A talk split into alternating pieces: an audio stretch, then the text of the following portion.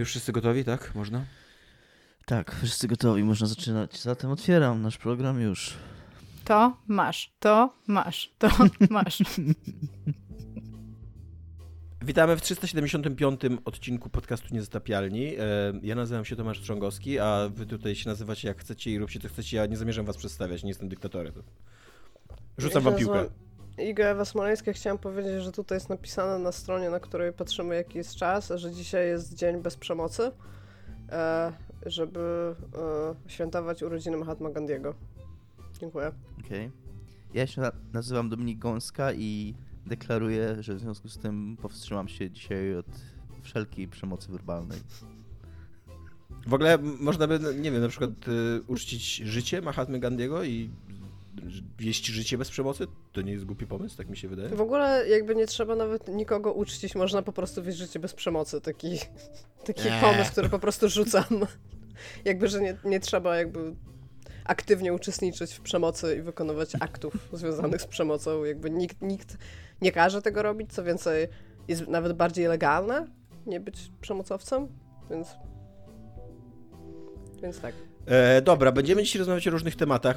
Oczywiście zaczniemy od stadii, ale zanim zaczniemy od stadii e, i od tego, co tam się, co, co Google od Janie Pawliu znowu, a tak naprawdę po prostu Google jest Googlem i tyle, e, to e, została nam zwrócona uwaga w podcaście Earporn News, e, że mm, i wydajemy się, ukazujemy się już tak długo, że ludzie mogą nie wiedzieć, kim jesteśmy, co jest chyba dosyć słuszną, jest dosyć słuszną uwagą, jakby, że wchodząc w uniwersum niezatapialnych, e, możecie nie wiedzieć, e, kim do końca jesteśmy. E, więc jeżeli to jest was tam dziesiąty czy setny odcinek i na przykład po setnym odcinku nadal się zastanawiacie, kim jesteśmy i co za trzy głosy do mnie mówią, e, to Iga, przedstaw się teraz. Kim ty jesteś? Poza tym, że jesteś Cześć. programistką. Jestem Iga Ewa Smolejska i nie jestem programistką. Co, jest mi przykro to mówić, aczkolwiek uczyłam się programować. A przede wszystkim jakby jestem białolaską, więc biorę na klatę wszystko, co się z tym wiąże. I jestem very basic. E, aczkolwiek nie potrafię programować w Basicu, oprócz bardzo podstawowych rzeczy. A co ja mogę powiedzieć? E, nie jestem zodiakarą i nie lubię koni, bo jak byłam mała, to rodzice zapisali mnie na woltyżerkę i to był bardzo bad idea. Nie wiem, czy o tym wiedzieliście, ale też się o tym dowiadujecie. Więc nie jestem na pewno Czyli to nie jest tak, czyli to nie jest tak, że ty nie lubisz koni w sensie, że znaczy, ty nie, jest, nie jesteś nawet na stanie zero z końmi, tylko że Nie, nie lubię. Na minusie, tak. jakby jesteś anty. Tak, nie, nie będę wykonywać wobec nich aktów przemocy. Jeżeli bym miała jakiegoś uratować, tego uratuję, aczkolwiek jakby raczej podchodzę do... Jakby nie rozumiem, w jaki sposób zwierzę, które jest tak duże, może po prostu dać i być tak, dobra, jeździ na mnie. Ono może cię Ale- zabić? Ale jakby cię jakiś koń prowokował, to nie unikałabyś bójki, nie? To byś przyjebała z baśki. Jak, jeżeli widzieliście, mamy takie na YouTubie nagranie, jak gramy w Kingdom Come Deliverance i według mojej rady uderzyliśmy konia dwa razy Prawda. pięścią, po czym wsadzili nas do więzienia i spłynęła wo- wioska, więc to jest mniej więcej mój stosunek do, do koni. M- mogę je walić? Ale jakby nie chcę mieć z nimi nic wspólnego, dobrze? Możesz walić konie, tak? No tak, tak. To jest, to jest jedyna akcja, jakby, którą chcę wykonywać z tymi zwierzętami do końca życia. A co jeszcze mogę sobie powiedzieć? Nie jestem programistą, pracuję w game devie, współpracuję z kilkoma firmami. W tym momencie jestem e, głównie w Blueberze i w studiu Spina, aczkolwiek robię też e, fuszki, polecam e, jakby firmę więcej laserów e, wciąż, jakby jesteśmy otwarci na outsource. E, jestem designerem, głównie zajmuję się narrative designem, ale robię też jakiś level design i czasami podesignuję jakieś tule, nie, nie wiem, różne rzeczy się robi w game devie w zależności od tego, co jest potrzebne. Ale skupiam się na narratywnym projektowaniu rzeczy, narracyjnym projektowaniu rzeczy. E, też cza, czasami coś napiszę w giereczkach, więc, e, więc tym się głównie zajmuję. E, tak jak mówiłam, nie jestem programistą, a jestem typowym, mówiłam, że nie jestem zod- zodiakarą, ale jestem typowym stegozaurusem. A co, co ja robię jeszcze? Jest, skończyłam studia, skończyłam studia historii sztuki, które dało mi po prostu telefon od pracodawców się urywał po prostu. No, nie byłam w stanie, musiałam zmienić telefon po tych studiach, więc skończyłam również kulturoznawstwo, co było ważne, żeby to dopełnić jakby. Żeby E, sobie poszedł- dać poszedł większe, większe szanse na rynku pracy, to Tak, tak, tak. historii sztuki i kulturoznawstwo jeszcze zrobiłaś. Tak, więc jestem e, podwójnym licencjatem i podwójnym magistrem, po czym poszłam sobie na studia trzeciego stopnia na literaturoznawstwo. I jakby więc jestem po prostu wykształcona tak super pod to, co robię i rynek pracy jest po prostu otwarty na mnie, z, z szeroko otwartymi rękami mnie przywitał Je, je, jest otworem na ciebie otwarty rynek pracy. Tak. E, poznałam tutaj Tomka Pstrągowskiego i Dominika Gąskę w redakcji grupy.pl, ponieważ również pisałam o grach e, swojego czasu. Teraz robię to już zdecydowanie rzadziej, jeżeli w ogóle. A prowadzę, współprowadzę podcast Niezatopialni, co mogliście tego o mnie nie wiedzieć, ale to też się dzieje. Lubię horrory, lubię długie spacery na plaży, naprawdę długie wejście na namiot. Nie, nie wiem, czuję się teraz jakbym pisała Tindera Dominik, jakiegoś o sobie. Aczkolwiek, dobra, Tindera? Dobra, to, powiem wam je, a propos pisania o Tinderze. Mój znajomy teraz sobie założył Tindera i pokazuje mi i się pyta, czy jego profil jest dobry. Ja nie wiem, bo nigdy nie miałam Tindera, patrzę, ale on się zostałem nad opisem i tak się patrzy na swoje zdjęcia i powiedział, i to jest cytat, nie wiem, ja bym siebie ruchał. I ja mówię, to jest twój opis.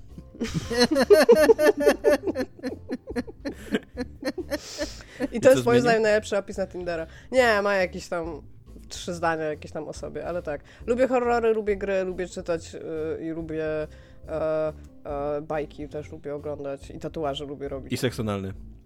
A, to mam tatuaże. I walenie konia. I walenie konia, tak. To typ, typowa ja. Mówiłam o...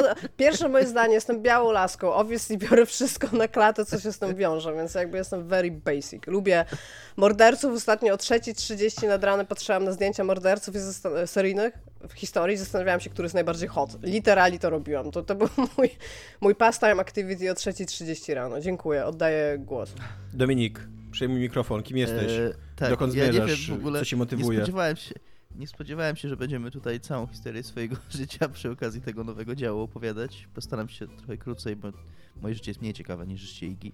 Ja w odróżnieniu od wykształciucha Igi, które ma, która ma trzy magisterki, pięć doktoratów, czy tam ile powiedziała, jestem człowiekiem z ludu, prostym.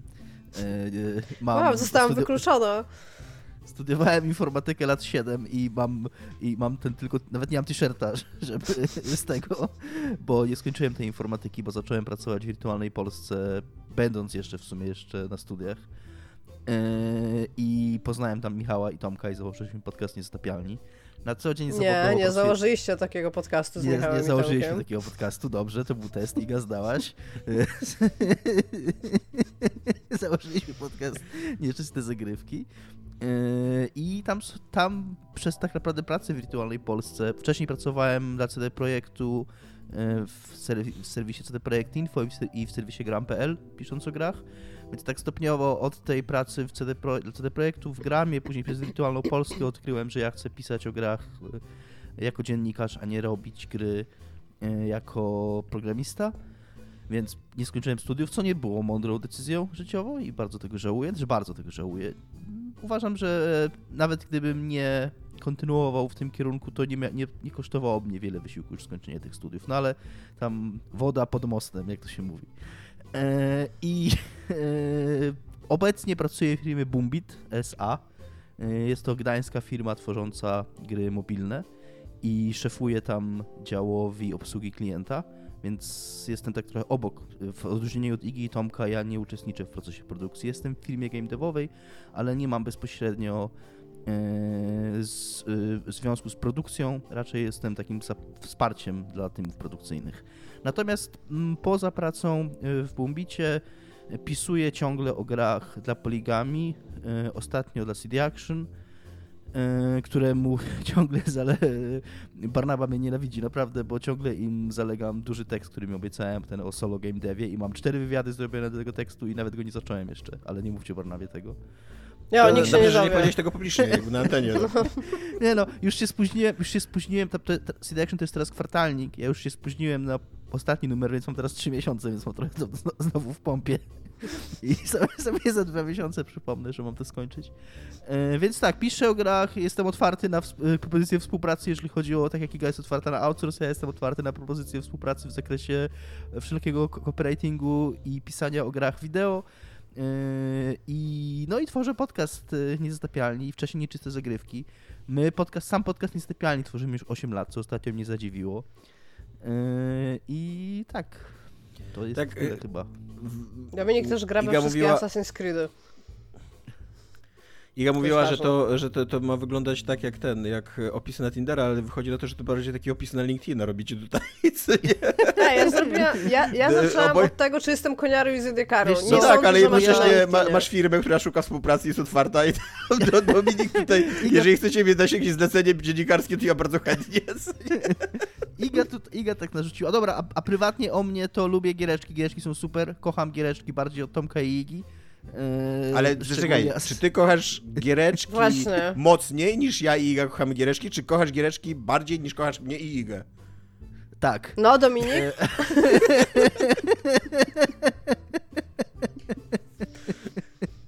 Nie lubię tego Eee. odcinka, to nie jest mój ulubiony odcinek. Gram, gram ostatnio w Cyberpunka znowu, o czym jeszcze będzie Jezu, teraz ja się przedstawiam, nie, nie, nie mówisz o cyberpunku. I kocham, kocham wszystkie asesyny, przygodówki point and click. E, Gram na PC w przygodówki point and click i strategie turowe. Na konsolach gram wszystko inne, chociaż już zostaję PC-towcem ostatnio. E, I tak, giereczki są super i podcast jest super i świetnie, że to sobie nagrywamy od tylu lat. Tomek. E, Ja nazywam się Tomasz Strągowski. E, Tak, e, przyszedłem tutaj, znaczy założyliśmy ten podcast dlatego, że niższe zagrywki zostały zamknięte przez Wirtualną Polskę, więc my wtedy się spotkaliśmy i, i, i mm, jeszcze wtedy był Michał Piłwarczyk z nami. I Mateusz Skutnik, którego serdecznie pozdrawiam. Mateusz Skutnik był na spotkaniu, ale nie, nie, nie był jakby... Tak, ale był na spotkaniu. Tak, tak, tak. Fizycznie w 3D był tam modelem Mateusz Skutnik. Tak, był, był, tak. Był Wiedźmin, był z Gdyż nami. Mateusz I Skutnik, Płotka. o czym możecie nie wiedzieć, y, pa- przez bardzo długo był naszym, hostował nasz podcast. W sensie Naszym naszą sugar stronę. daddy. Tak. Tak. Zanim E, zaczęliśmy za swój kosting płacić Z sami. wykształcenia jestem polonistą, nie wiem czy to ważne. E, skończyłem filmoznawstwo, tam dwie specjalizacje, filmoznawstwo i nauczycielstwo, bo kiedyś wydawało mi się dobrym pomysłem, żeby być nauczycielem, zostać nauczycielem, ale na szczęście specjalizacja nauczycielska bardzo mocno wybiła mi to z głowy, jakby e, takie, takie zderzenie z, na praktykach z szkołą jako takim e, organizacją, w której trzeba wy- wypełniać papierki i e, limity tam dowozić i, i inne takie targety robić i tak dalej. E, no tak, wybiło mi to z głowy, za to specjalizacja filmoznawcza wbiła mi do głowy, że krytyka popkultury i robienie popkultury to jest dobra, ciekawa rzecz. E, na tyle mi to wbija do głowy, że później jeszcze przez 13 lat robiłem doktorat, ale go zrobiłem. E, więc również możecie do mnie mówić panie doktor, jeżeli, jeżeli bardzo chcecie w komentarzach. I co tam jeszcze? Nie, panie doktorze? Nie wiem, Czekaj, mówić y, tak tak. Zaz- zadzwonię do kogoś po, po polonistyce. Panie doktorze, tak? Tak, tak, oczywiście, że panie doktorze. Eee, długo pracowałem w Wirtualnej Polsce razem z Dominikiem i z Michałem. E, później przestaliśmy wszyscy po kolei pracować w Wirtualnej Polsce. Mm, tak się zdarza, jakby. To nie nasza wina, to ich. E, e, I teraz jestem, teraz jestem twórcą gierek indie. Pracuję w takim małym indie studiu, które się nazywa Serious Sim. E, robimy grę Heading Out. Ja tam jestem głównym pisarzem i czasami narrative designerem po części. E, ale, ale przede wszystkim, przede wszystkim pisarzem, writerem, leadem, seniorem, nie wiem jak to może się nazwać, jest nas półtora w tej firmie, więc, Executive'em jesteś. więc ja jestem, ja jestem Jesteś lead, CNO, Chief Narrative Officer. ta, jestem lead writerem w writing roomie na, na mnie i jeszcze pół etatu. Em, więc tak, e, nie jestem koniarą, e, broń Boże, e, aczkolwiek również nie rzucam się z agresją i sikierą na konie. E, jakby Przepraszam, czy częścią tego naszego tutaj opisu miało być ustalenie naszego stosunku do koni, to ja chciałbym tylko jeszcze wtrącić, że mój stosunek do koni jest obojętny. Z, jakby jestem na poziomie zero. Okej, ale jakby koń stał na skarpie. To byś go pchnął czy nie? A jakby koń stał na moście, a pod spodem jechałby tramwaj i, i na torach leżało Pełen dzieci. pięciu ludzi przy... Tak, to czy bym zrzucił tego konia, żeby, żeby zatrzymać ten tramwaj. E, tak, w wolnym czasie robiłem jakieś e, komiksiki. Teraz trochę jeszcze robię komiksiki, ale dużo mniej, bo praca mi zajmuje więcej czasu. E, lubię czytać i dużo czytam. I to jest, czytanie jest fajne i bardzo polecam czytanie. Nie wiem, co jeszcze mogę powiedzieć. Czytanie jest sexy, tak powinieneś mówić o czytaniu. Czytanie jest sexy? Jest, totalnie. Ja wiem, czy jest sexy, to zależy, co czytasz. Jakby jestem Nie wiem, powiem stanie... ci tak, jeżeli wchodzę do baru i tam jest typ, który jeden mówi o filmach, a drugi mówi o książce, to ten, który mówi o książce jest bardziej sexy po prostu. No dobra, ale załóżmy, że on mówi na przykład o Mein Kampf, co nie?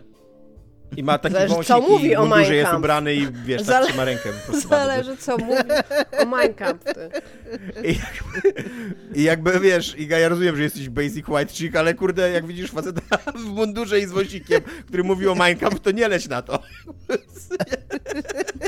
Dobrze, postaram się. Bo wiesz, jakby to... My to mamy genetycznie, ale postaram się. Nie, e, e, ja, e, bo nawet ostatnio uczestniczyłem w internecie w takiej dyskusji, ja jestem raczej z ludzi, którzy nie fetyszyzują literatury i książek i uważam, że istnieją złe książki, że nie, nie każde czytanie jest dobre i, nie, i istnieją złe i szkodliwe książki i to nie jest tak, że obojętne co czytać, byle byś czytał, nie, nie, tam No centralnie nie, czytasz ale chodzi mi o to, że kurde- jeżeli... No dobra, ale możesz przeczytać Mein Kampf i na przykład przyjść do mnie i powiedzieć Jezus Maria, jaka ta książka jest zła. No tak? możesz, I, ale, I skrytykować ją, tak? Jakby... ale również jeżeli jesteś na takim poziomie intelektualnym, że chcesz przeczytać Mein Kampf, to zazwyczaj nie musisz go czytać, żeby wiedzieć, że ona jest zła, ta książka, co nie? Jakbyś na przykład chciał ocenić, jakim językiem jest napisana, albo czy została dobrze przetłumaczona. BOOM!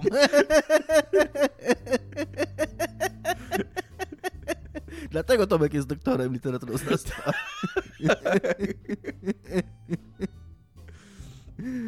Tak, więc to jesteśmy my. Eee, no.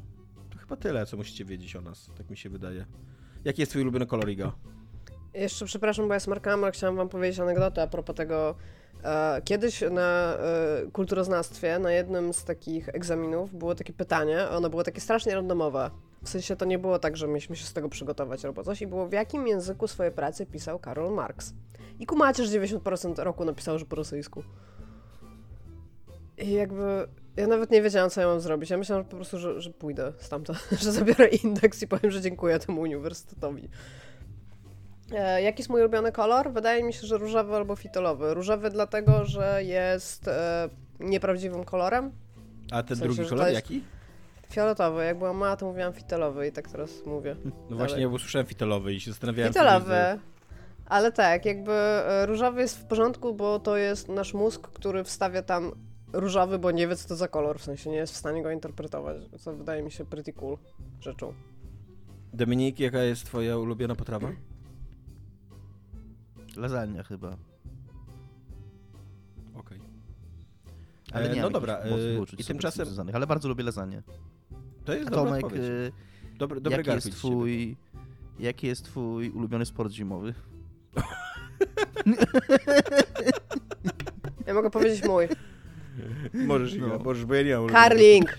Carling! For fuck's sake, jedyny dobry i słuszny Karling sport. Jest, okej, jakby kiedyś włożyłem wysiłek super. i zrozumiałem zasady karlingu i, i, i Ja jest kiedyś okej.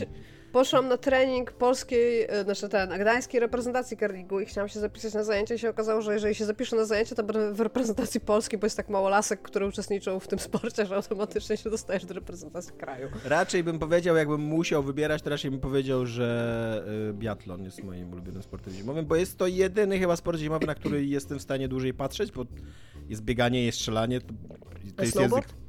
To jest język, który ja rozumiem? Nie, nie. Na przykład snowboardu nie rozumiem. Nie rozumiem, dlaczego tam zrobienie 180 do przodu, do tyłu i jeszcze z fikołkiem na końcu jest tam wyżej mm, punktowane niż zrobienie 360 do tyłu, na bok i jeszcze z prawą ręką za lewym ramieniem. No właśnie.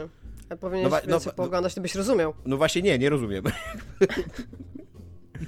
E, tak, więc, e, więc to, to, to o nas. E, Tymczasem tragedia się dzieje. E, Google ogłosił dosłownie dni temu, my nagrywamy w niedzielę, to chyba się w czwartek wydarzyło, e, że, że zamyka stadię.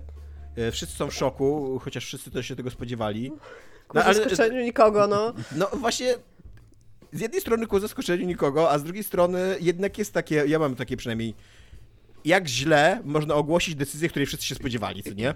I, i, i Google to wyznacza tak, no. standardy, że bardzo źle można ogłosić tę decyzję, co nie? E, ponieważ Znaczy, tak, To co, to, co na, to, co na pewno zrobili dobrze, no to to, że będą refundować zakupy, nie? Jakby dzięki temu... Dominik, się tylko uda. ty i jakiś typ w Wenezueli, który najprawdopodobniej też się Nie. nazywa Dominik, kupili tam Po gry. pierwsze, po pierwsze, to nie jest prawda i ten żart już naprawdę powinien umrzeć, bo ja autentycznie kurwa, przed, pod każdym postem w internecie o Stadii jest z 10 komentarzy o, je, ci trzej użytkownicy będą, będą się bardzo smucić tam. Okej, to jakby to było śmieszne przez jakiś czas. Jest ci smutno, bo jesteś jednym z tych trzech użytkowników, Dominik. tak, dobrze, do, dobrze, ale ja zaraz o tym po, Tomkowi przerwałem, przepraszam Tomku, kontynuuj.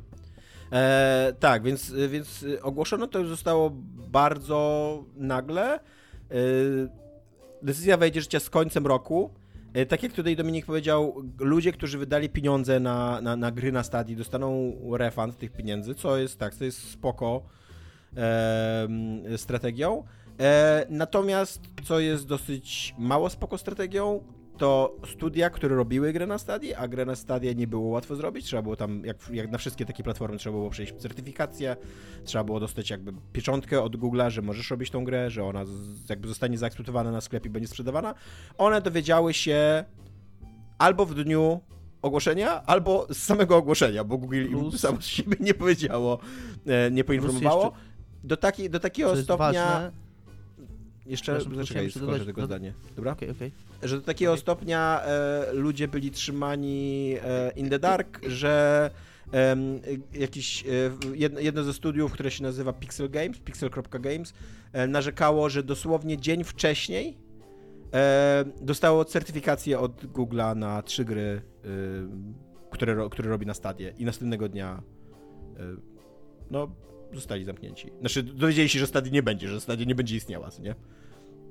Dominik? Y, Ja chciałem tylko dodać do tego, co Tomek mówił o tych y, trudnościach z pisaniem gier i wydawaniem gier na stady, że oprócz tego, że tam trzeba przejść certyfikację i tak dalej, no to to była de facto osobna platforma. To też trzeba dodać, że to nie, to nie jest tak jak pisanie gry na PC. To Stadia działała na Linuxie i to wymagało stworzenia osobnego builda gry konkretnie pod tą platformę, więc to są dodatkowe koszty i dodatkowy jakby narzut na tych, na tych studiach, które robiły na te gry.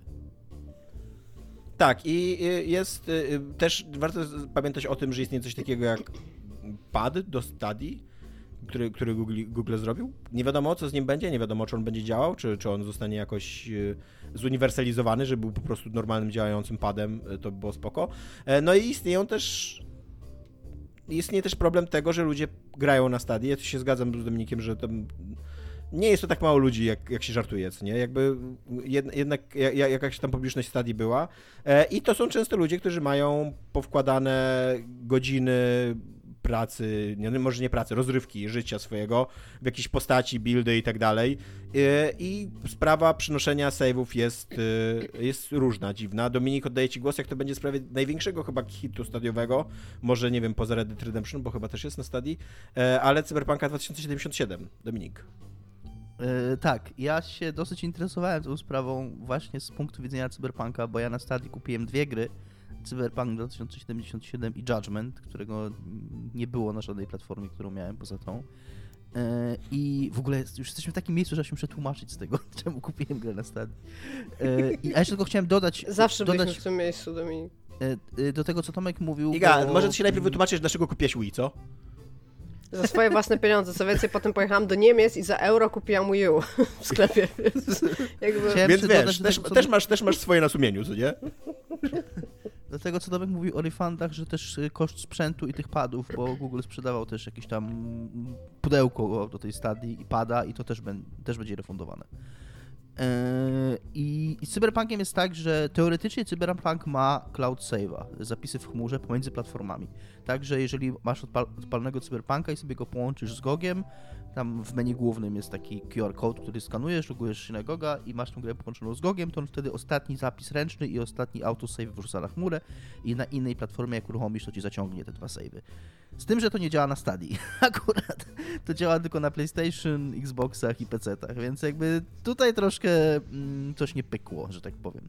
E, Natomiast y, no, CD Projekt jakiś tam być może też będzie e, pojawiły się takie informacje, że CD Projekt też z uwagi na, na tam reakcję graczy, że CD Projekt postara się do tego czasu być może zaproponować jakieś rozwiązanie. Natomiast nawet jeżeli takiego rozwiązania CD Projekt nie zaproponuje, to donoszę z pola bitwy, e, jako mówię, człowiek, który grał ostatnio w Cyberpunka mm, w oczekiwaniu na dodatek, wróciłem do swojego rozpoczętego przejścia Cyberpunka nie oszukujmy się, ty grasz w Cyberpunka, bo taki jest twój spo- sposób życia, styl życia. To. To też, to też, ale po tym jak zapowiedzieli dodatek się bardzo ucieszyłem, że dodatek będzie również na stadie. To też jest ciekawe, że tam nie wiem, tydzień temu ten dodatek zapowiedzieli i, i, totalnie było, że na stadie Tak, co też również. pokazuje, że najprawdopodobniej duże, wielkie studia też były trzymane jakby w niewiedzy, Tak, nie? Dokładnie, dokładnie, bo jakby, jakby CD Projekt zapowiedział ten dodatek i tam nie, nie było logo Stadii w tym trailerze, to jakby nikt by się nie zdziwił, jakby nikt by tego nie Tak. kwestionował. Czemu to nie wyjdzie na stadię? Jakby okej, nie będzie tego na stadię, ale to, że, to, że umieścili tam e, to logo Stadii, to jakby bardzo dobitnie pokazuje, że, że nie wiedzieli o tym. E, I mm, no więc wracając, e, da się przenieść save'a ze stadii. Da się, w, ten, w ten sposób da się, wydaje mi się, przenieść wszystkie save'y przynajmniej na PC-ta. Google oferuje coś takiego, o czym ja zapomniałem zupełnie, jak Google, jak Google Takeout. Jest to możliwość ściągnięcia wszystkich plików powiązanych z tobą y, personalnie ze wszystkich usług Google'a. Wśród, w tym również ze Stadii. Więc jeżeli wejdziesz sobie na ten Google Takeout i tam odznaczysz wszystkie usługi, zaznaczysz tylko Stadię i ściągniesz te pliki, to on ci ściągnie, mi tam ściągnął 300 mega wszystkich save'ów z wszystkich gier, które grałem. Czyli z Cyberpunka, z tego Judgment i tam z innych gier, które grałem, jak jeszcze miałem Stadia Plus przez chwilę. Yy, Więc jakby to wszystko jest. To są pliki, które, do których masz dostęp, więc to też jest ok, że Google, znaczy okej, przypuszczam, że to Google to mm, udostępnia dlatego, że po prostu przepisy prawa im to nakazują, żeby, bo chyba jest taka w tym w RODO taka możliwość właśnie wyciągnięcia, yy, że, że firma musi udostępnić możliwość wyciągnięcia wszystkich danych o tobie, więc te niby tak. zapisy gier te- zapisy gier to są dane o tobie, nie? Więc, więc jakby możesz je wyciągnąć. No i później jak przerzucisz sobie, tylko do tego jeszcze jest potrzebna kopia Cyberpunka na PC, więc jak ja tutaj skorzystałem na początku z Family Share'a, więc musisz ściągnąć te savey ze Stadii, yy, przerzucić je do katalogu wersji PC-owej, odpalić wersję PC-ową, wczytać tego save'a, zrobić jeszcze raz zapis i wtedy ten nowy zapis się wrzuci na, wrzuci na chmurę i z tej chmury możesz to później zaciągnąć na konsolę. Yy, Więc to jest takie obejście, które działa w przypadku Cyberpunka i no zapewne to działa w przypadku innych gier PC-owych, które mają jakąś formę zapisu w chmurze oferowaną przez y, dewelopera. Nie wiem ile jest takich gier, ale no jakieś pewnie istnieją.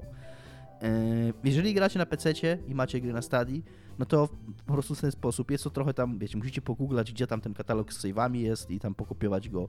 Nie jest to żadne, mm, żadna tam rocket science, nie żadna fizyka y, jądrowa, powiedzmy bardziej po polsku, bo rakietowa chyba brzmi durnie.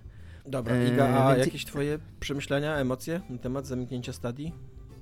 Mi jest ogólnie, ja nie korzystałam ze Stadii, aczkolwiek widziałam bardzo dużo plusów tego, szczególnie jak oni zapowiadają, nie wiem czy pamiętacie, jak oni pierwszy raz tam zaczęli zapowiadać, na przykład oglądasz sobie tam na YouTubie, tam chyba Horizon był taką grą, którą pokazywali i jesteś jak, o, chcę w to pograć i automatycznie możesz już no, zacząć grać i to brzmi super. W sensie, to, to jest naprawdę fajna funkcjonalność. W każdym momencie, e, przez to, że możesz sobie ją jakby streamingować z ich sprzętu, więc nie potrzebujesz też mieć swojego sprzętu, to jest takie jakby dużo bardziej demokratyczne niż, niż tam kupowanie konsoli, tam składanie sobie peceta nie wiadomo jakiego, żeby te, te, te nówkę sztuki gry mó- móc grać. Jakby z tego, co mi się wydaje, to to, gdzie to się potknęło, to jest fakt, że oni mieli oczekiwania, że na to się w ogóle nagle wszyscy gracze rzucą i tam wyrzucą swoje, swoje Xboxy i PlayStation i pecety. Więc nie wiem, gdzie będą grać, ale no jakby, że, że, że w ten sposób to jakoś pójdzie. No i to im się nie udało, ale no jakby wiedząc, kto był posiadaczem, że tak, znaczy kto, kto był odpowiedzialny za stadię i to było Google i patrząc na to, jak oni po prostu porzucają jeden projekt za drugim, to jakby też głupio, jakby trudno było być tą osobą, która wskakuje na ten wóz i jest tak, dobra, to jest mój main jakby rzecz, gdzie będę grać, no bo po prostu wiesz, że oni to mogą w każdym momencie porzucić, co się właśnie teraz stało. Mi jest przykro, bo jakby chcę, żeby było jak najwięcej tych możliwości grania w rzeczy, plus nie będziemy się już mogli śmiać z Dominika, co jest zawsze dużym minusem. A, ale no nie, jakby nie jestem, nie jestem w ogóle zdziwiona, jest mi trochę przykro, bo my się tak śmieliśmy z tej stadii, że o, oni to zaraz, zaraz to porzucą po prostu, zaraz, szczególnie, że tam chyba rok temu, czy nawet więcej, było, że zamykają te wszystkie e, ich in-house'owe firmy, które robią gry na stadzie, nie? Tak, i że już ograniczają takie- jakby swój wkład w stadię, co nie? Tak, i ja już byłam wtedy, okej, to pół roku, pół roku max, nie? Ale się okazało, że nie, że dalej to idzie. Tak sobie pomyślałam, kurde, a może to będzie właśnie coś takiego, że to będzie miał taki strasznie długi ogon, że wszyscy się z tego tak śmieją, ale w pewnym momencie będzie, ej, jakby może na stadii w to zagram, nie?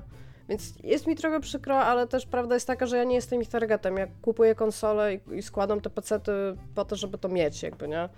Plus jako jedna z pewnie niewielu już ludzi na świecie, aczkolwiek Josh Sawyer twierdzi, że w Polsce to robimy, ja też kupuję gry w pudełkach, nie? W sensie nie kupuję ich cyfrowo, tylko mam pudełka jeszcze, więc nie wiem, jest, jest mi przykro, chciałabym, żeby to wyszło lepiej. O tak.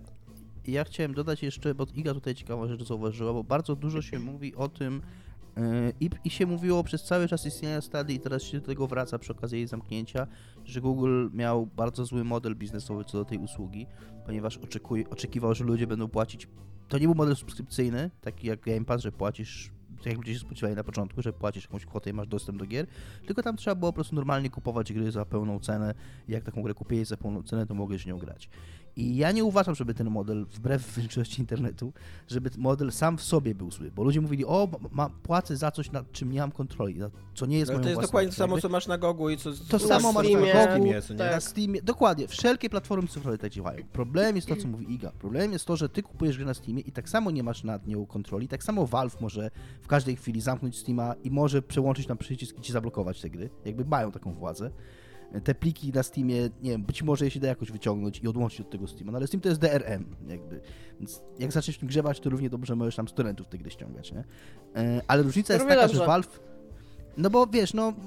No rozumiem, o co ci chodzi, Rozumiesz, no. co mi chodzi, nie? Jakby Valve jest właściwie, jakby kontroluje te licencje. Możecie je w każdej chwili z jakiegoś powodu cofnąć. One nie są bardziej twoje niż gry na stadii.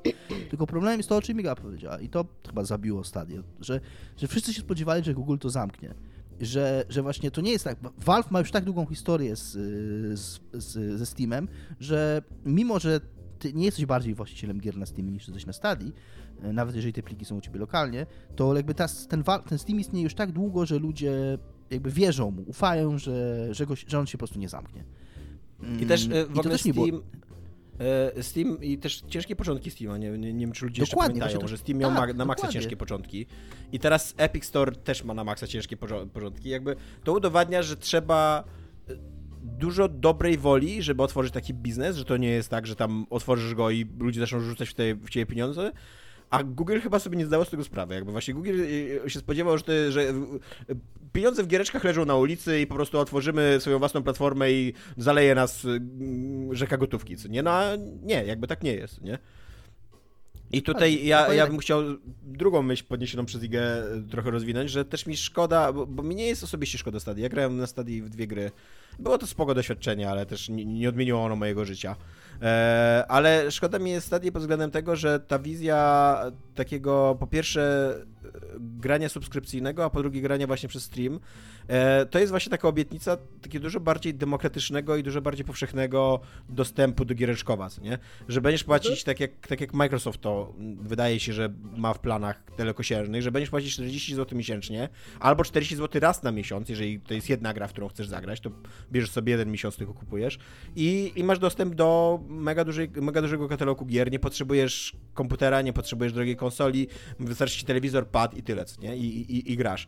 I, i, I to jest wizja, która dla mnie jest atrakcyjna. Ona oczywiście ma też tam mnóstwo pułapek e, i, i jak znamy wielki korpo, to pewnie te pułapki wcześniej czy później się uaktywnią e, i jeszcze po- ponarzekamy na tą wizję, ale na razie wydaje mi się atrakcyjna, bo tak jak mówię, jest taka bardzo bardzo przystępna, bardzo niski próg wejścia to jest i, i, i taka właśnie, że otwiera giereczkowo, kurde, które teraz ma próg wejścia na poziomie 3000 za konsolę plus 350 zł na grę, na ludzi, którzy będą musieli wydać realnie 200 na pada i 40 zł na grę, nie? E, I Google, naszej Stadia była technologicznie najlepszą tą platformą, co nie? Jakby pokazywała, że to autentycznie może działać, co nie? Że technologicznie to działa super, e, ta Stadia. I, I szkoda, że ona ponosi klęskę i się zamyka, i rob, bo jest to jakiś mały krok wstecz w tej e, wizji nowego, wspaniałego świata giereczkowego, co nie? No, dlatego mówię, że mi przykro. Ja akurat i tak i tak dużo więcej grałeś wtedy niż ja. Ale myślałam, że może kiedyś.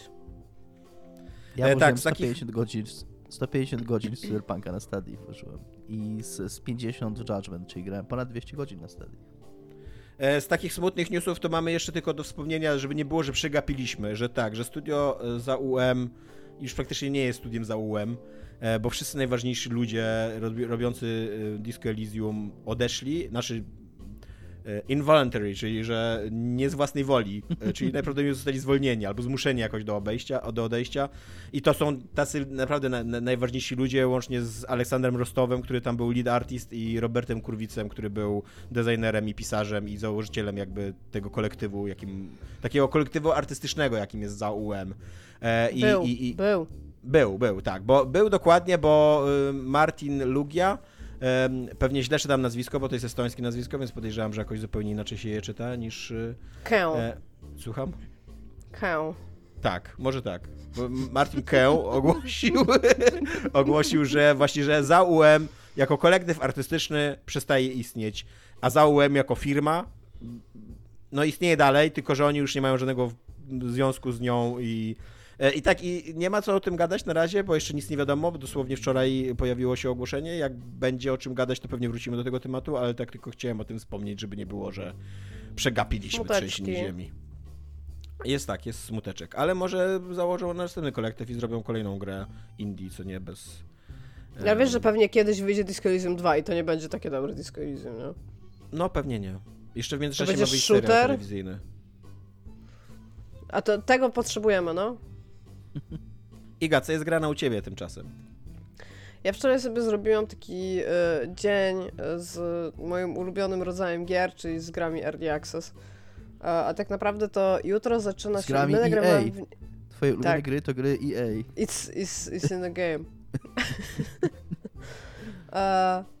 co, aha, że mm, Jeżeli ktoś jutro bardzo zaczyna lubi, się Next Fest. Jeżeli ktoś bardzo lubi Ted Lasso, to drużyna Ted Lasso i Ted Lasso będą w naj, najnowszym, e, najnowszej Fifie i na trailerze tej, tego DLC e, Ted Lasso czyta It's in the game. Nie, znaczy on czyta I'm in the game, tak udając tego, ten głos tego typa. Tak, co jest, to jest generalnie sympatycznym pomysłem. Tak. Iga, go. Sorry, że ci przerwałem. No jutro zaczyna się Next Fest na Steamie, więc e, będą e, różnego rodzaju rzeczy podostępne i tak e, jakby zachęcona faktem, że jutro będę już mogła grać, ale że to będzie poniedziałek, to stwierdziłam, że niedzielę poświęcę na granie w kilka zaległych demek, które interesowały mnie oraz moją ekipę od Multi, którą bardzo dawno w nic nie grałam, więc stwierdziliśmy, że czemu nie. Przez co przetestowaliśmy Foundry, demo. E, To jest taka giereczka i w ogóle najfajniejsze jest to, że najdłużej spędziliśmy czasu rozkminiając w jakim to jest silniku. Jest w Unity, e, bo wiedzieliśmy automatycznie, że to nie jest Unreal, ale potem stwierdziliśmy, że może zrobili to w Godocie albo sami zrobili silnik, jakby nie, to jest Unity. I e, Foundry to jest taka giereczka jak Satisfactory i Factorio, tylko, że to jest takie Factorio, tak jak Satisfactory było w FPP, to to też jest FPP, tylko w to się gra 300 razy lepiej niż Satisfactory. Które i tak nie jest skończoną grą, ale przez to, że ustawia się rzeczy w gridzie, to idzie to dużo lepiej. Graliśmy w to wczoraj z jakieś, nie wiem, z 5-6 godzin, więc trochę pograliśmy i to demo trochę oszukuje, kiedy się kończy, bo mm, w każdej z tych gier kraftowych y, jest taki, takie drzewko jakby researchu technologicznego. Ono jest wziętych z takich strategii wielkoświatowych, czyli tam, jeżeli tam wymyślisz konie, to będziesz mógł na tych koniach jeździć w pewnym momencie, a potem będziesz miał na nich łuczników na przykład, nie? To jest bez sensu, Więc że tylko- konie, takie wielkie, majestetyczne stworzenia dają nas na sobie. Dają na sobie jeździć, ja wiem, ja tego totalnie nie rozumiem, nie, nie szanuję przez to ich totalnie. Ale w każdym razie to ten. A, to tam są takie niektóre technologie, które są napisane, że są zamknięte w demie i że nie będzie można tego robić, ale my w jakiś sposób je odblokowujemy, więc nie mam zielonego pojęcia, czy oni jakby nie ogarnęli, czy na przykład nie usunęli po prostu informacji, że coś jest niedostępne w demie, tak? Bo też tak mogło być. A jak na razie doszliśmy do e, momentu, gdzie jesteśmy w stanie wydobywać surowce z podziemi, w sensie kopalnie robić. E, I totalnie nie wiemy, jak to robić. Wczoraj się bardzo zdenerwowaliśmy, że jesteśmy albo debilami, albo to jest źle wytłumaczone. Ale ogólnie it's one of those. Jakby i Satisfactory, i Factorio bu- budujecie e, rzeczy, które zbierają dla was rzeczy, które i te rzeczy idą do budyneczków, które wam te rzeczy robią na bardziej skomplikowane rzeczy z innymi rzeczami. Jakby Ale i to też jest masz jakiś tam endgame w stylu właśnie, że musisz odlecieć z planety, wybudować tam, wiesz... Właśnie nie do końca wiem, tam, tam jest zero, po prostu zero historii. Jesteś trzema robotami, więc nawet nie jesteś ludźmi, więc jakby twoim pierwszym zadaniem jest, tak jak w każdych z tych gier, rozwalenie całego ekosystemu i lasu, bo to jest pierwsze, co robisz, ścinasz wszystkie drzewa w okolicy, więc jakby to zrobiliśmy, a jakby endgame'u nie mam żadnego pojęcia, bo to jest, to jest demo i mówię, nam się udało w to wcisnąć 6 godzin, wydaje mi się, że my już dotarliśmy do momentu, gdzie jakby nic więcej nie ma, więc jakby trzeba będzie zobaczyć później, ale jest to takie, jest to miły powrót do Factorio, które miało mieć, myśleliśmy, że pod koniec tego roku będzie większy update, ale nie było, więc trochę cierpimy i jesteśmy jakby y, w potrzebie posiadania takich crafting games. A co więcej, jakby pytałam się, czy mogę, więc mogę powiedzieć. Wczoraj pograłam też w demo wrocławskiej firmy Far From Home, Forever Skies. Nie wiem, czy pamiętacie taki trailer, był jakiś czas temu. Pamiętam ten O takim. O takim. Nie pamiętam tego uczucia. A pamiętasz tą To był kobietę? To był taki trochę, to jest taki trochę Bioshock-like? To jest survival, ale jest, e, jest, ma taki trochę vibe bioshockowy, bo jest, wracasz na ziemię, ta ziemia jest zniszczona. Tak, to, to o tym I- myślałem, tak. Tak, i e, jakby... A, tak, te- pamiętam. te- I budujesz taki- tam taki- rzeczy takie w e, chmurach. Znaczy, nie, budujesz swój statek, ale ogólnie budynki wystają nad takie bardzo osyfione, widać chmury, ewidentnie ta ziemia gdzieś tam została zniszczona i ty tam przyjeżdżasz po to, żeby zdobyć e, próbki wirusa. To jest e, jakby, to automatycznie ci mówi demo na ten temat, że, że, to, że to jest twoje zadanie. No i FPP sobie chodzisz i starasz się przetrwać, przy okazji zwiedzając świat, może w ten sposób. Musisz tam pić, spać, jeść, nie wiem, dbać o swój health. A jest to jak na survival game, a grałam w trochę survival game, mówię, to jest demo, więc tam jest tutorial i 20 minut. Centralnie dostajesz 20 minut. Możesz robić wiesz, bardzo czy różne jest rzeczy. walka rozbudowana? Jak na razie nie trafiłam na ani jednego przeciwnika, nie wiem czy są w demie, ale wiem, że w trailerze, e, bo sobie przypomniałam ten trailer, dlatego że jak kończysz demo, to dostajesz ten trailer też na twarz, e, jest pokazane, że będą, że będą ziomeczki w ogóle do walczenia, więc trochę na to czekam, bo to bardzo, bardzo dużo wprowadza do survivali, bo jak na razie to tam prawie umarłam, bo nie piłam wody, bo zapomniałam. A, ale nie umarłam, nie umarłam w tym demie. A, natomiast to, co jest w niej fajne, to jest taki patent, że ona jest, ona jest zdecydowanie inną grą niż... Prze, przez to właśnie, w jakim ona jest świecie i co tam się dzieje, jest inna niż te, większość tych takich survivali, które wychodziły, bo ja nie wiem, czy pamiętacie, był taki moment, że wychodził tam Forest, Ark, że tam jesteś nagim typem na plaży w lesie i masz kamień i musisz jakby od tego dojść do tam jakichś zaawansowanych technologicznie rzeczy i coś tam, odkryć sekret czegoś. A to jest centralnie ewidentnie, tam ten taki, ta, mm, przesłanie to, że niszczymy planetę jest bardzo, bardzo ewidentne od razu, co, co jakby dla, mi, mi się to podoba, mi to gra.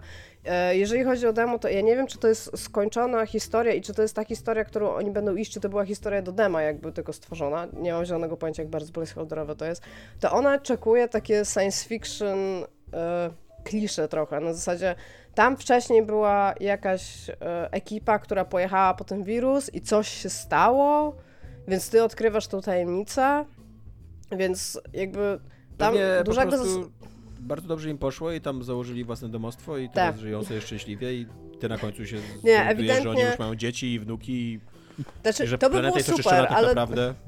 Ale jakby, wiesz, pierwsze co dostajesz to jest fakt, że jeden typ zaświrował. Jakby nie jestem wielką fanką tych, e, tych takich klisz, na zasadzie, że tak troszeczkę wiesz, co tam, co tam będzie dalej, aczkolwiek e, to, to, co właśnie Tomek mówił, tam patentem rozbudowywania nie jest stricte jakaś taka baza, znaczy robisz bazę, tylko ta baza się porusza i to jest fajne, bo masz taki mały stateczek, który jest pod balonem, taki sterowiec jakby, tak? To się nazywa sterowiec? Pod takim Tak. Balonem jak cygaro, tak. No, no to masz taki sterowiec i w tym sterowcu sobie możesz kłaść rzeczy, typu tam łóżko możesz położyć, jakieś rzeczy typu jakiś ekstraktor albo silniki możesz do tego, do tego dodawać i ty sobie rozbudowujesz tą bazę. I taki vibe, który ja z tego miałam, bo tam są jeszcze takie efekty pogodowe, one jeszcze nie są skończone i tam na przykład burza wygląda fenomenalnie na zewnątrz, ale jak ci pada na e, szybę, to wygląda to po prostu smutno, po prostu te efekty wody są... zupełnie na marginesie chciałem, na pewno nas nie słucha, ale chciałem pozdrowić Konrada Hildebranda, którego kiedyś dawno temu nazywaliśmy człowiekiem sterowcem, co uważam wciąż, że było wybitnym żartem. I co Konradowi nie przeszkadzało. Konrad też uważał, że to wybitny żart. Pozdrawiamy, tak. Więc ja sobie tak w ogóle wajbowałam w tym moim stateczku, patrząc jak na zewnątrz pada deszcz i miałam takie skojarzenie, jakbym była na kempingu. Na zasadzie, że sobie siedzę w e, tym, w namiocie i zaraz będę musiała pójść i znaleźć jakąś wodę i coś do jedzenia, ale na ten moment sobie po prostu obserwuję burzę i taki naprawdę fajny vibik ma. Natomiast mówię, to jest tylko 20 minut. E, to, co mi się jak na razie jakby najmniej podoba w tej grze, to jest bardzo niekonsekwentne, nawet nie wiem, pisarstwo slash jakiego rodzaju informacje znajdujesz przez interakcję ze światem. Mają taki problem, że na przykład skanujesz ciało biologa i tam masz jakieś dane o nim, że na przykład kiedy umarł, albo tam w jakim, w jakim stanie jest jego ciało, albo coś, a potem znajdujesz ciało inżyniera i tam jest literalnie napisane jedno zdanie o tym, czym się zajmuje inżynier. Taki, tak po prostu, tak jakbyś miał dziecku wytłumaczyć, czym się zajmuje inżynier. I niektóre z tych informacji wpadają ci do database, niektóre nie. Jakby bardzo, bardzo dziwne to mają. Nie wiem, wydaje mi się, że to jest kwestia tego, że to jest nieskończone i to jest demo, ale no na pewno to by trzeba było tam w jakiś sposób poprawić. Natomiast jeżeli byście byli zainteresowani, to ja bardzo zachęcam obserwowanie tej gry. Ja nie wiem, ja lubię gry survival, survival szczególnie, że będzie miał czteroosobowy koop w pewnym momencie, a to jest dokładnie to, czym ja i ten mój multi-team się ostatnio Natomiast zajmujemy. Iga, ty grałaś w to demo, ponieważ ono tobie zostało personalnie udostępnione, ono nie jest Nie, było, było, można się było zgłosić na zamkniętą betę Mhm. e, i udało mi się tam, tam dostać. Myślę, że w przyszłości będą, będzie możliwość po prostu też również zgłoszenia się jakby dalej. Nie wiem, czy to już jest zamknięte, czy jeszcze nie. Jakby ja dostałam kod, więc sobie ściągnąłem i pograłam. Mówię, mi to zajęło godzinę. E, mój y, znajomy też grał, nie wiedziałam o tym, po prostu tam się zgadaliśmy, bo mówiłam, że będę w to grać. I mu to zajęło 40 minut, więc jakby to nie jest dużo czasu na to demo, aczkolwiek pewnie można je sobie e, replayować od początku. Tylko, że na samym początku jest taki dosyć długi tutorial, no to. Nie, nie wiem, jakby czy polecam ogrywanie jej w kółko, natomiast jest to coś, na co ja osobiście jestem tym naprawdę zainteresowana. Szczególnie, że ma fajny setting. Ma setting inny po prostu niż te wszystkie gry, które, które istnieją i się zapamiętuje to. No jeżeli wy pamiętacie, a wy nie gracie w takie survival game za, za często, z tego co wiem, Nie, tak a wiecie, wiecie o jaką grze było to dosyć charakterystyczne, pamiętam jak to zapowiadali i pokazywali tam. Tak, więc jakby cze- czekam, chcę zobaczyć co więcej i no i było to ciekawe. A, co chciałam powiedzieć jeszcze a propos tego Foundry, które ogrywałam. Wiecie, jak gry są ok, ale mają coś, co jest tak nie ok, że chcecie uderzyć tą grę w twarz, jakby była człowiekiem? Ma, Albo koniem. Kojarzycie? Albo koniem. Ta gra, tam jest podstawowa mechanika, to jest uzyskiwanie rzeczy ze świata przez taki, takie wiertło, jak Big Daddy się ma ten robocik na, na rączce, nie? I im się chyba nie chciało robić, kurde, nie wiem, efektu tego, że jak podchodzisz do jakiejś tam, bo to tak jak w Minecrafcie, że podchodzisz do jakiejś tam kostki i napierniczasz i zrobi dosłownie najbrzydszy efekt 2D rozpadania się tej kostki. Po prostu oni powinni za to pójść do więzienia, za ten jeden efekt. Oni mogli zrobić cokolwiek i to by było lepsze. Po prostu dosłownie cokolwiek mogli zrobić. Ta kostka by się mogła podnosić o piksel do góry, żebyś widział, że wchodzisz w tę interakcję. Nie, postanowili zrobić najbrzydszy efekt 2D rozłamywania się tej kostki i po prostu nie wiem kto podjął tę decyzję, ale to jest bardzo zła osoba, tak już personalnie jestem w stanie ją ocenić. To nie jest, do, to nie jest dobry człowiek. To, to, to, to, jeżeli to jest early access, no to możliwe, że to jest jakiś tylko placeholder, co nie? Tak, ale Tomek, jakby umówmy się, jeżeli dajesz ludziom grę do Early Access i postanawiasz im dać coś takiego, to ty tych ludzi nienawidzisz. Ty chcesz Nie ludobójstwo wiem, nie, ja się nie ale na to to jest twój... mówić, bo ja nawet nie wiem, jak wygląda ten efekt. Tak, Jest dokładnie. też- obrzydliwy, jest zeżygania złe po prostu, nie? Możecie, to jest darmowe na Steamie, Foundry Demo. w twarz albo ten efekt, albo konia, to co byś walnęła? Tylko jeden Ten efekt, rzeczy. ten efekt. Totalnie, jest gorszy od koni ten efekt, nie? I Jest gorszy niż walenie konia. Zdecydowanie. W koopie czy solo jakby, zdecydowanie jest gorszy. Również E. też, e, jakbyście się nie zorientowali e, przy naszym przedstawianiu się, to być może jesteśmy 400 400-latkami, e, ale w głębi duszy jesteśmy 12-latkami. Tak, cały czas. Mamy jedno wspólne serce dwunastoletnie i nazywamy się Brian w tym sercu ogólnie. E, widziałam też serial tak bardzo szybko. Mm, ostatnio wszedł na Netflixa serial o Jeffrey Dahmerze. A że jestem białą e, laską, to oczywiście, że bardzo lubię seryjnych morderców. Więc obejrzałam sobie ten serial, to jest 10 odcinków, chyba każdy po godzinę, więc to jest taki... Jeżeli, jeżeli chcecie to binge-watchować, to sobie zostawcie jakby cały dzień, śmiecie wyżarcie. To jest taki, to jest taka niedziela Tomka, co mówił o swojej takiej idealnej niedzieli. Że sobie Jo, leżał, tylko- oglądał... Ja e, w przeciwieństwie do ciebie, ja e, pomimo, że jestem biały, gardzę popkulturową figurą seryjnego mordercy. Jakby Ale tu cię zaskoczę, bo po, tym chcę, po to chcę powiedzieć, bo ja nie, znam nie, twoje, nie spędziłbym, znam nigdy twoje nie spędził całego dnia z seryjnym mordercą, o tak.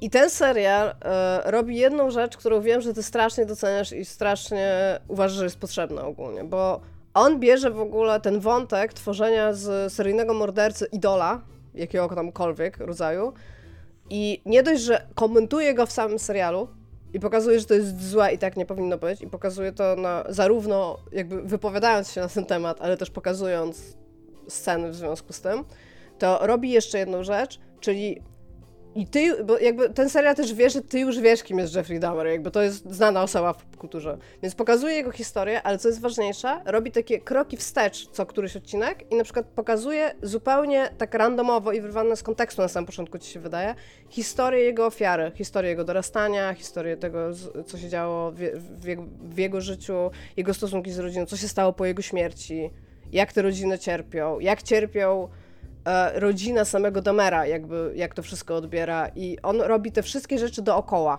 które zwykle są przemilczane i wydawało mi się, że to ci się może wydać interesujące. Aczkolwiek jest to wciąż serial o seryjnym mordercy i Ja wciąż właśnie, mu kibicujesz, jest- wciąż mu właśnie- kibicujesz. Jakby jest taka scena, Bo a, ja, ja nie będę znam- tutaj mocno... Te, daj mi na moment tylko wejść słowo. Mhm. Ja, ja ten serial znam tylko z trailerów i z tego trailera y, wygląda totalnie, że ten Damar jest mega sexy, charyzmatycznym typem, z którym... Znaczy, bo Dahmer też, jakby Dahmer i Bundy, jako seryjni mordercy, to byli typi, którzy musieli coś jakby sobą prezentować, bo oni podrywali ludzi, tak? I ich w ten sposób zabijali. Ten żart, Słucham. który wam wysłałem jakiś czas temu i zignorowaliście o tym najśmiesz- najlepszym przypisie ever dotyczącym Bandiego właśnie, że Bandi był, zanim został seryjnym mordercą, to był takim geniuszem matematycznym i w jakiejś książce matematycznej Nie, nie jest, że to- Kaczyński. To nie był A, Bundy, Kaczyński, tak. przepraszam, fuck, był Kaczyński, no tak, no to nieważne. Ba, ale aczkolwiek Bundy podszywał się kiedyś pod profesora. Ted Kaczyński nie był seryjnym mordercą, był terrorystą. Tak, również. No wszystko, wszystko źle powiedziałem. Nie, nie Ale jesteś już- białą laską, Dominik, jakby Ale z drugiej no. strony, ale z drugiej strony, jak już zacząłem tą anegdotę, to skończę, że był przypis jakiejś, że była ksi- książka matematyczna, jakiś podręcznik, czy, czy jakaś publikacja matematyczna odwoływała się do jakiegoś dowodu e, przeprowadzonego przez Kaczyńskiego właśnie i tam był przypis, no, Kaczyński był przypis lepiej znany z innych dokonań, czy tam for, better known for other work. Co uważam, Ale dobra. Bardzo zabawne.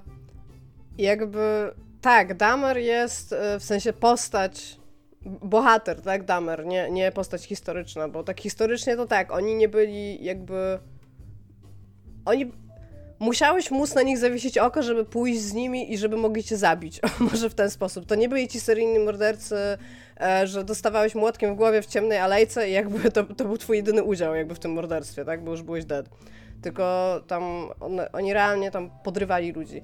To, co ten serial robi, to oprócz tego, że tam Dahmer oczywiście jako aktor i jako tam postać ma być trochę sexy, to ta, tam jest takie, jako że Dahmer był gejem, myślę, że to jest też już wiedza powszechna, tam jest taka seksualizacja męskich ciał. I to, to się miło ogląda w popkulturze. Są nawet trzy razy widać pindla. Nie za dużo, w porównaniu do tego, jak często widać takie piękne brzuszki, klaty, tam bice, tam uda i tam wszystko, ale jest bardzo dużo seksownych męskich ciał w tym serialu. Tak naprawdę po prostu jakby ten serial był rzeźbą, to by był tam Dawidem, nie? Po, po prostu są super hot. E, ale tak, jakby jest taka scena, nie będę tutaj wchodzić w super jej szczegóły, ale to, mi- to mnie właśnie przekonało, że jakby, okej, jakbyście nie pokazywali, jaki on jest jakby w- tam paskudnym człowiekiem, robiąc te rzeczy, to jeszcze serial go tak troszeczkę usprawiedliwia, na zasadzie pokazuje, że on ma tam jednak jakieś bogate życie wewnętrzne i ulega jakiejś tam pokusie, tak, robiąc takie rzeczy. E, aczkolwiek jest taka scena, gdzie jego ojciec e, chce zobaczyć, co on ukrywa i prawie mu to wychodzi, bo on tam ukrywa coś bardzo przerażającego, ale Damerowi się udaje uniknąć tego, takim zrządzeniem losu. I ty jako widz jesteś, "Uff, dobrze, Jakby ja wtedy uznałam, ten serial nie jest jednak tak okej, jak myślałam. Aczkolwiek tak, to jest taki centralnie The White Chicks serial. Po prostu masz tutaj seksownego typa, który morduje ludzi i uchodzi mu to na sucho, ale damy ci taki moral, jakby yy, ten background, że my nie jesteśmy z tym okej, że on to robi. Więc podoba ci się ten serial. Plus jest bardzo ładnie zrealizowany, to jest po prostu bardzo ładnie zrobiony serial. Jest na Netflixie, więc jak macie Netflixa, to praktycznie za darmo, jak płacicie za Netflixa. Nazywa się Damer. Klasycznie za darmo wystarczy zapłacić. No tak, tak, no jakby tam spoko. Ale mówię, jakby te, ten serial robi tam coś więcej niż zwykle robią takie seriale, czyli właśnie wprowadza to wszystko w taki szerszy kontekst. Tam są takie postaci, które jakby nie godzą się na fakt, żeby on był e, idoliz- idealizowany, a na przykład stara się zachować pamięć o ofiarach. Jest bardzo dużo na temat e, no, tego, co się wtedy działo jakby w Milwaukee, czyli e, jako, że Dahmer wynajmował mieszkania w takich częściach raczej kojarzonych z przestępczością, zamieszkanych przez duże mniejszości wszelkiego typu, bo i seksualnych, i etnicznych. No i też takie były jego ofiary jakby. To też jest bardzo dużo na temat tego, jak, e, jak na przykład e, społeczność czarnoskóra była traktowana w tamtym, w tamtym czasie, nie? W Milwaukee, albo e, ci Asian Americans. Więc jest, jest to ciekawszy serial niż zwykle robią, może tak. Jeżeli chcecie współczesny serial o seryjnym mordercy, który jest praktycznie taki sam jak wszystkie wcześniejsze seriale, ale ma tam jeszcze coś więcej do powiedzenia, to moim zdaniem Dahmer jest bardzo okej. Plus to jest 10 godzin o seryjnym mordercu i jest bardzo dużo pięknych męskich ciał. Więc jak lubicie piękne męskie ciała, to też polecam, a każdy lubi piękne męskie ciała. No i są strzypindle. E, I a propos, e, tutaj teraz będzie genialne połączenie tematów, e, a propos kontentu za darmo, to była taka gra Outriders zupełnie za darmo w Game Passie, A propos seryjnych morderców zjadających swoje ofiary, no. którą wydało People Can Fly i People Can Fly ma teraz Znaczy temat, problem. Być może nie. E, Dominik, co się dzieje z People Can Fly? Tak, Czy Outriders ludzie są- wciąż są w stanie latać? To jest nasze pytanie. Outriders zostało wydane przez Square Enix, dla, kt- na której to zlecenie firmy ta gra powstała i co ciekawe dowiadujemy się z najnowszego raportu finansowego People Can Fly, e, że ciągle nie otrzymali żadnych e, pieniędzy za tą grę.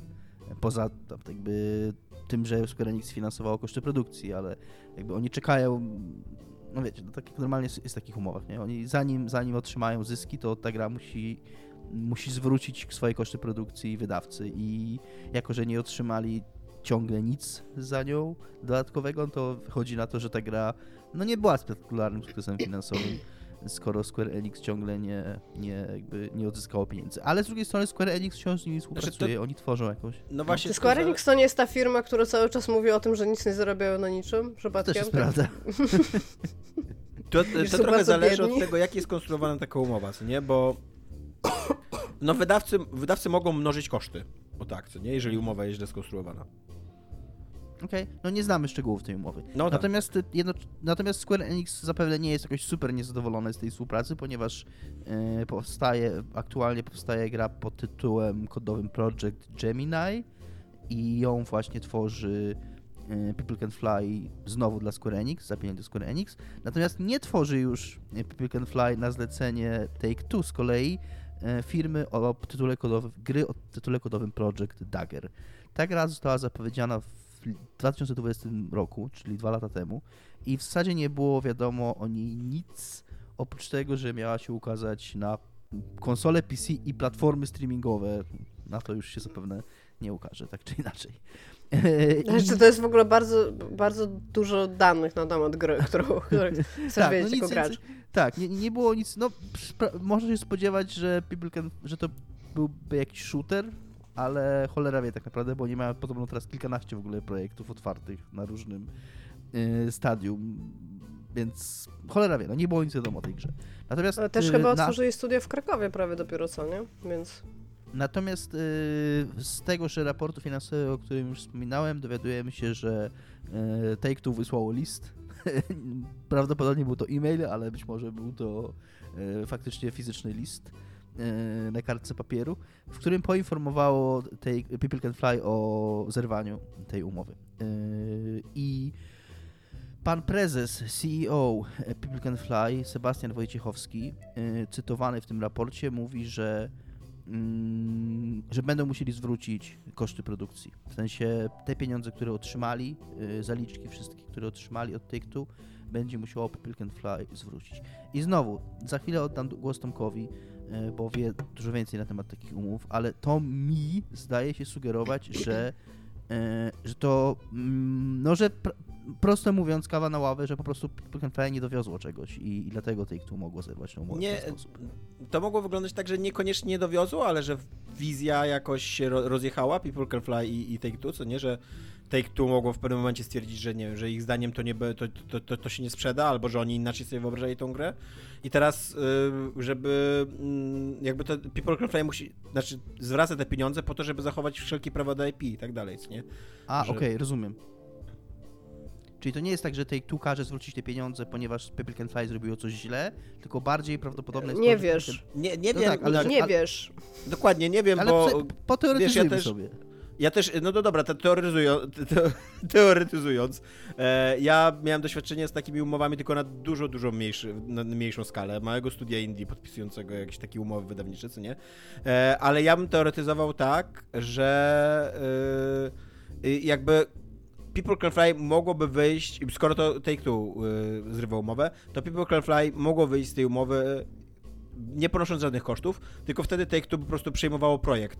Eee, najprawdopodobniej by go nie kończyło, bo nie wiem, nie wiem po co miałoby kończyć grę, która im się nie podoba, ale no jakby mogliby to zrobić. Mogliby to, dokończyć tą grę i wtedy take, no, People Can Fly nie miałoby już z nią nic wspólnego.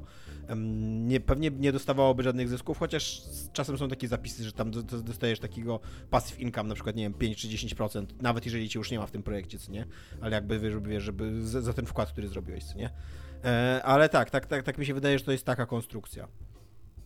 Tak, a tym bardziej y, za tym, co powiedział Tomek, przemawia fakt, że jednocześnie pan Wojciechowski poinformował, że jego firma będzie kontynuować pracę nad tą grą. Y, że ten Project Dagger będzie nadal rozwijany y, za pieniądze Fly, że oni mają jakby, że samodzielne wydawanie gier jest częścią ich strategii biznesowej, jakby to jest coś, co oni robią i że w przypadku tej gry po prostu Co oznacza, moim zdaniem, że albo są w bardzo dobrej kondycji finansowej, takiej naprawdę bardzo dobrej, że, że stać ich na sfinansowanie gry, której, której nie finansowali sami, więc tak naprawdę tak tylko a, a for przy fun and okazji muszą giggles ją jeszcze mieli, tak, mieli take two. Albo mają inwestora, dość, albo mus- znaleźli już drugiego wydawcę, który po prostu zwróci te koszty. nie dość, że muszą, i nie dość, że muszą zwrócić, te, nie dość, że jakby muszą płacić za dalszą pracę nad tą grą, to jeszcze zwrócić jakby to, co dostali już wcześniej. Nie? Tak, no jednocześnie pan Wojciechowski powiedział tam, że to znowu może, może sugerować, że coś jest na rzeczy w tym, co powiedział Tomek, że są otwarci na współpracę e, z wydawcą, jeżeli będzie to miało sens biznesowy. Co faktycznie może być tak, że, że już trwają jakieś prace, jakieś rozmowy, ale nie są sfinalizowane, więc nie może tego ujawnić. Nie wiem, nie wiemy tego, znowu sobie hipotetyzujemy oczywiście radośnie, bo, bo nie wiadomo prawie nic na, na ten temat, oprócz tego, co, e, co, co jest w tym raporcie finansowym. E, I e, jeszcze pan Wojciechowski powiedział, że nie są e, dokładnie ustalone warunki zwrotu tych pieniędzy dla tych tu i że one będą, te warunki będą zależały od tego, jaki model biznesowy przyjdzie, przyjmie ta gra. Co zdaje się sugerować, że Take Two poczeka tą, na tą kasę do wydania tej, do, do, nie, że nie chce i teraz, tylko że poczeka, aż ta gra zacznie na siebie zarabiać, żeby wtedy tej People Can Fly. Być może to jest jakiś taki zapis, że nie wiem, że, że znów, jak ta gra wyjdzie i zacznie zarabiać, to pierwsze pieniądze, które zarobi, które zarobi pójdą do, do Take Two, zanim, zanim People Can Fly e, będzie miało swoją część.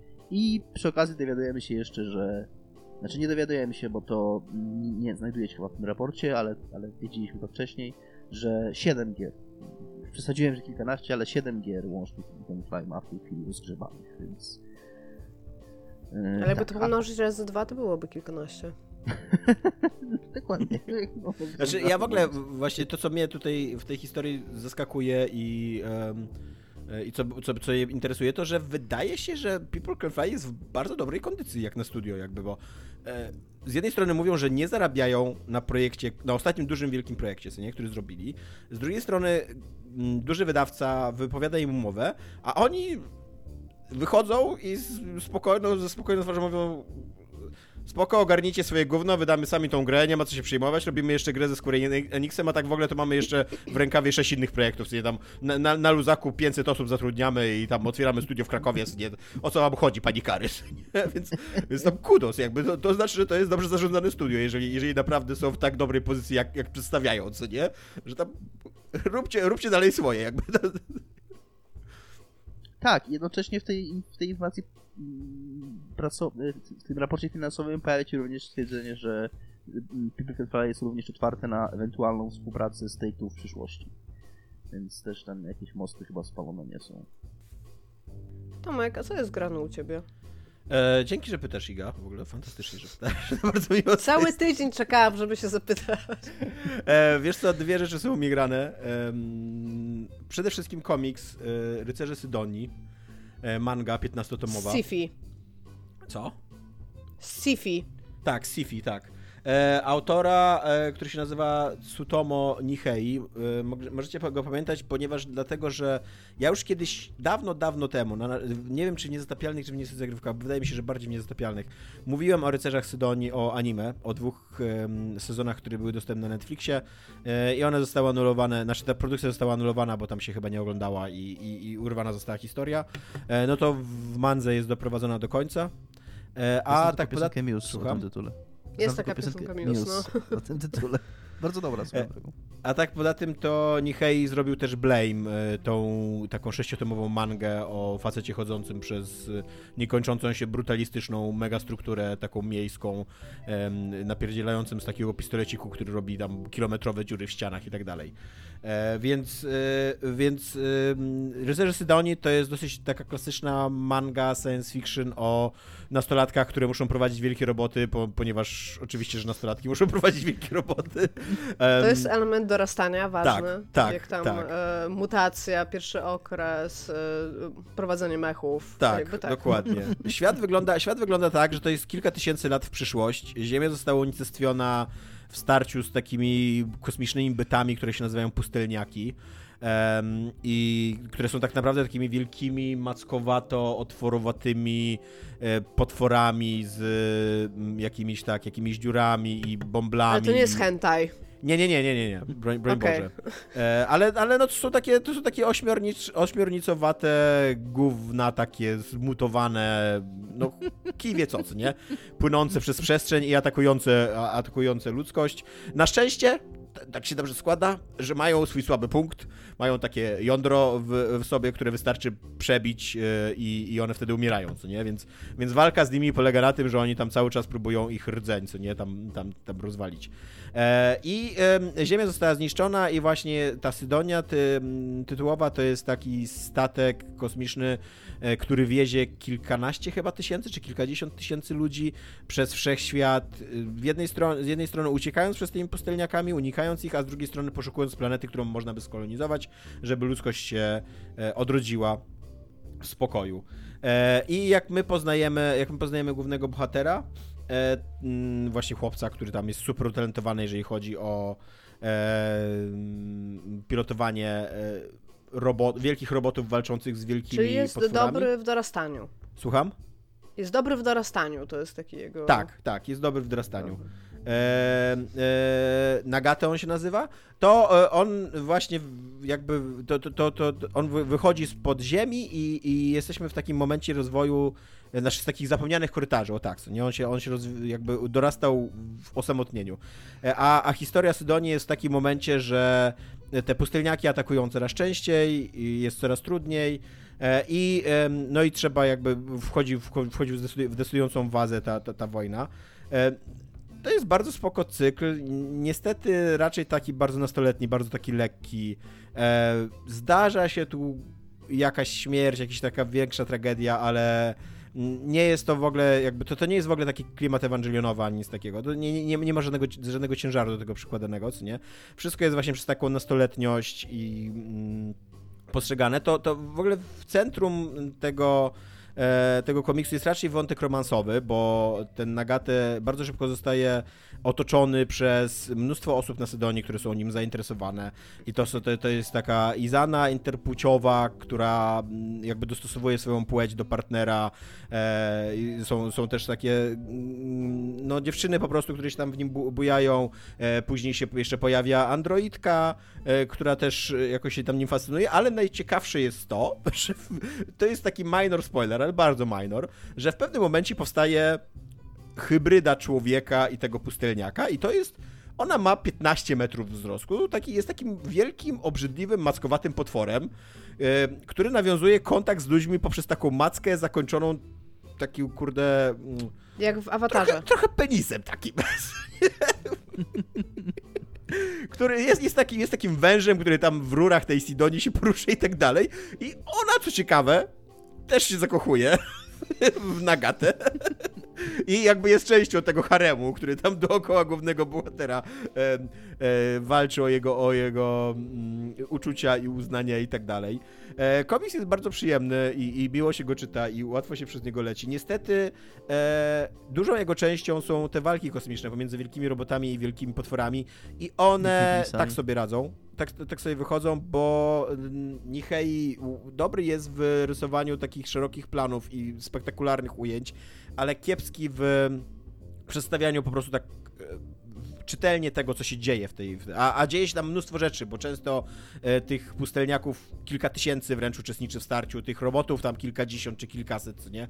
I e, głównie o tym, co się tak naprawdę dzieje w tym starciu, dowiadujesz się z dialogów, a nie z tego, co jest na kadrze, bo na kadrze czasem się w ogóle zastanawiasz, co to jest za pozycja, jakby, co ten robot robi teraz, gdzie są te pustelniaki, dlaczego to tak wygląda, więc te, te sekcje właśnie, jeżeli chodzi o, o, o sekcje akcji są najsłabsze. Przy okazji też one są najsłabsze z powodu takiego scenariuszowej, takiej scenariuszowej bonanzy, nie? To nie jest tak, że my wiemy, mamy jakąś y, konkretną wiedzę na temat warunków, jakie, jakimi rządzą się pustelniaki i jakimi rządzą się te gwardy, czyli te, te, te roboty ludzi. Co nie? To, jest, to jest tak, że wydaje nam się, że mamy już jakąś wiedzę, do czego są zdolne te, te, te ci obcy i do czego są zdolne te roboty, a nagle ci w środku starcia mówią, że a, pamiętasz jak mówiliśmy, że te gwardy na przykład, nie wiem, tam nie mogą się rozdzielać? Okazuje się, że jednak się mogą rozdzielać, nie? I co teraz zrobi ludzkość? Co teraz zrobi ludzkość? Zupełnie nie wiadomo, co nie? A, nie powiedzieliśmy ci, że oni mają na to super broń, którą tam przez ostatnie 3 lata roz, rozwijali, ale te, dopiero teraz się okazuje, że oni wyciągają tą super broń.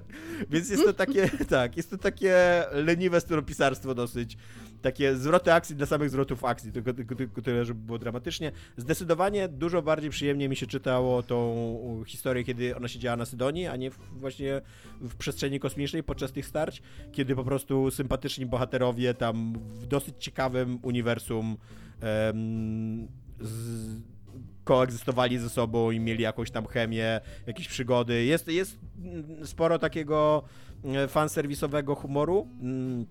Mm, Jakiś tam, e, a bo, bo, bo w ogóle e, poza tym, że mamy interseksualno, inter, interpłciowe postaci w przyszłości, właśnie, e, znaczy interpłciowych, interpłciowe osoby, które tam dostosowują swoją płeć do, płeć do partnera, to też e, duża część ludzkości to są klony, bo w pewnym momencie tam mm, ilość populacji gwałtownie spadła, więc żeby mm, mogła ludzkość przetrwać, to zaczęto klonować e, ludzi, a do tego też część e, ludzkości żywi się, znaczy praktycznie cała ludzkość, poza tym głównym bohaterem Nagate, e, przy, żywi się e, raz w tygodniu tylko, ponieważ większość energii poprzez fotosyntezę wchłania, więc też są, jakby są takie... Quiet.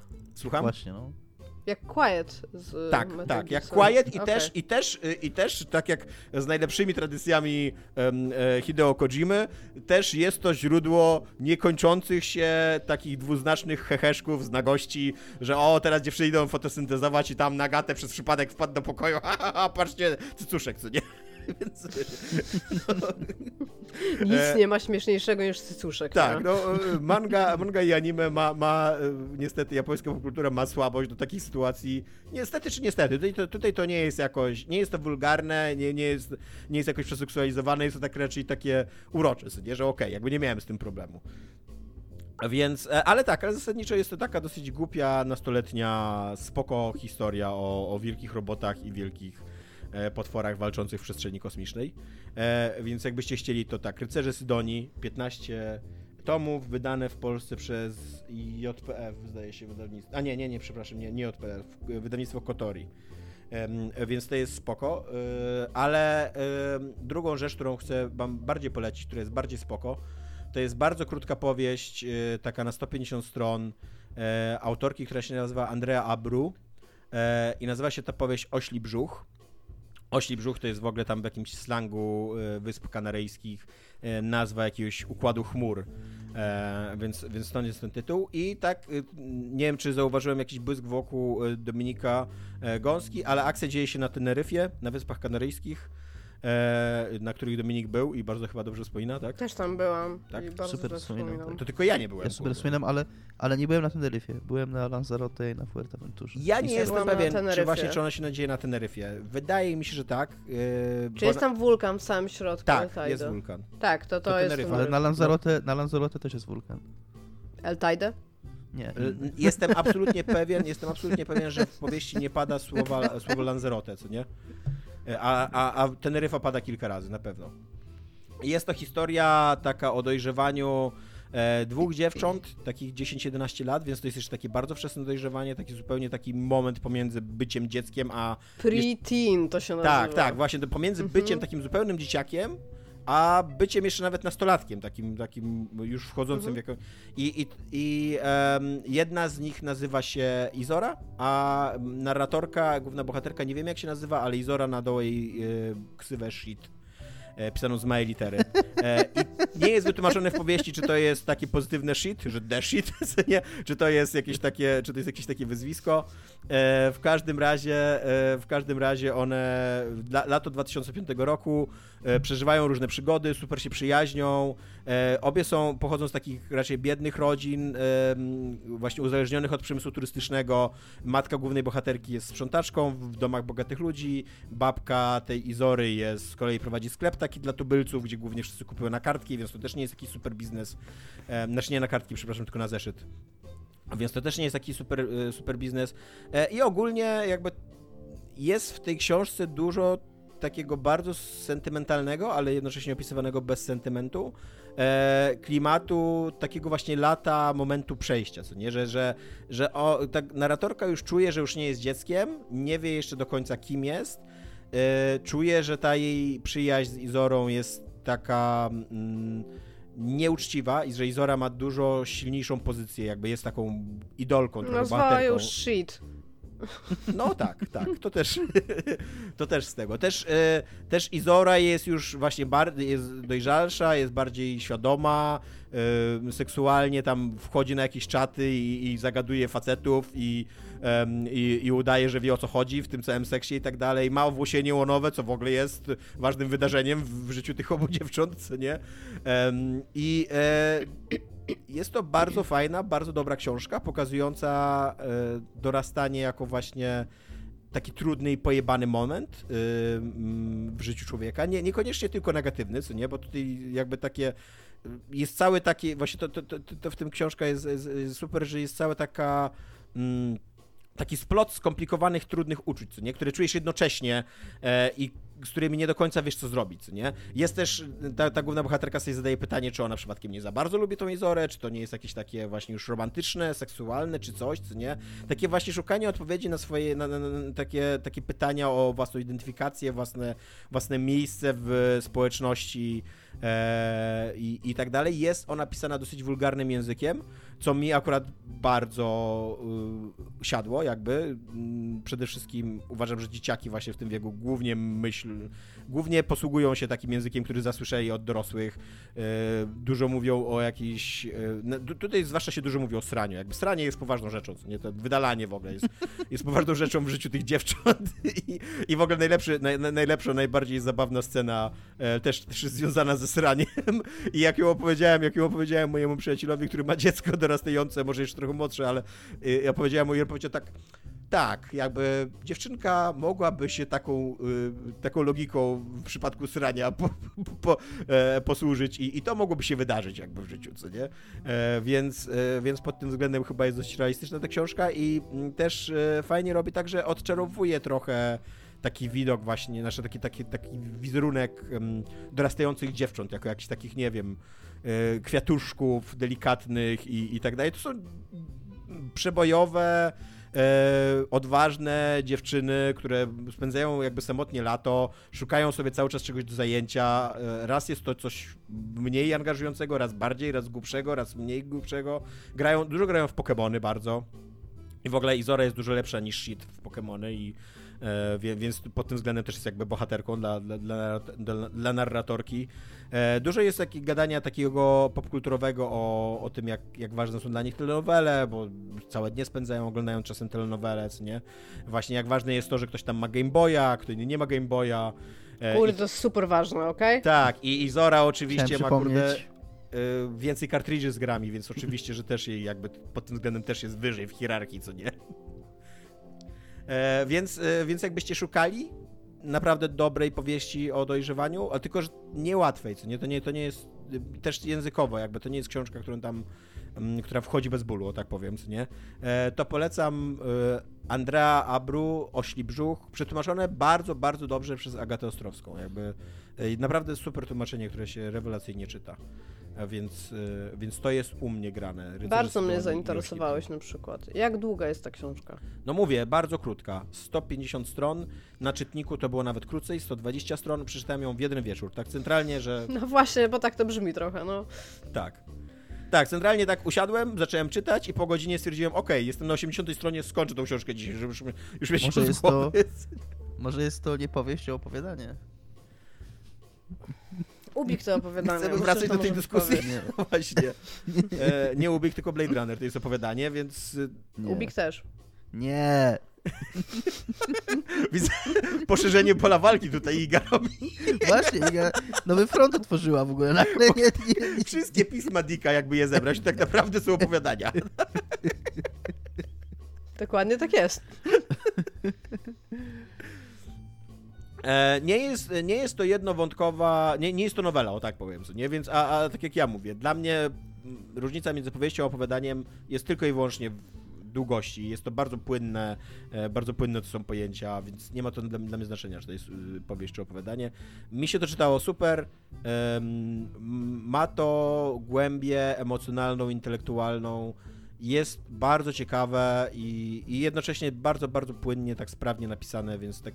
No tylko mówię, tylko jest dosyć wulgarna ta książka i jest taka odczarowująca dziewczęta, chociaż, no nie wiem, no jakby Myślisz, no, że odczaruje mi dziewczęco? No właśnie nie, właśnie nie wydaje mi się. Myślisz, ale, Tomek? ale wydaje mi się, wydaje mi się, że popkultura jakoś tak zaczarowuje dziewczęta, co nie? Że to są jakieś takie właściwie magiczne motylki, które gdzieś tam sobie latają między e, kwiatuszkami i, i, i tak sobie dojrzewają, co nie? No, no, no nie, jakby to są normalne istoty ludzkie, które tak również się fascynują różnymi dziwnymi tematami, również są wobec siebie chamskie i wulgarne i również gadają o sraniu i, i, i o tym, że mają włosie niełonowe i tak dalej, co nie? I jakby jest taki, jest absolutnie przepiękne chyba ze dwa czy trzy zdania, jak główna bohaterka zdaje sobie sprawę, że, że ona jest trochę w innym momencie życia właśnie niż ta Izora, E, że jest jakby trochę młodsza, że jeszcze nie jest tak bardzo do przodu, tak właśnie tak nie, nie, nie weszła jeszcze w to nastolenstwo, co nie, tylko jeszcze jest zakotwiczona w tej dzieciństwie poprzez to, że ona zawsze mówi pipka,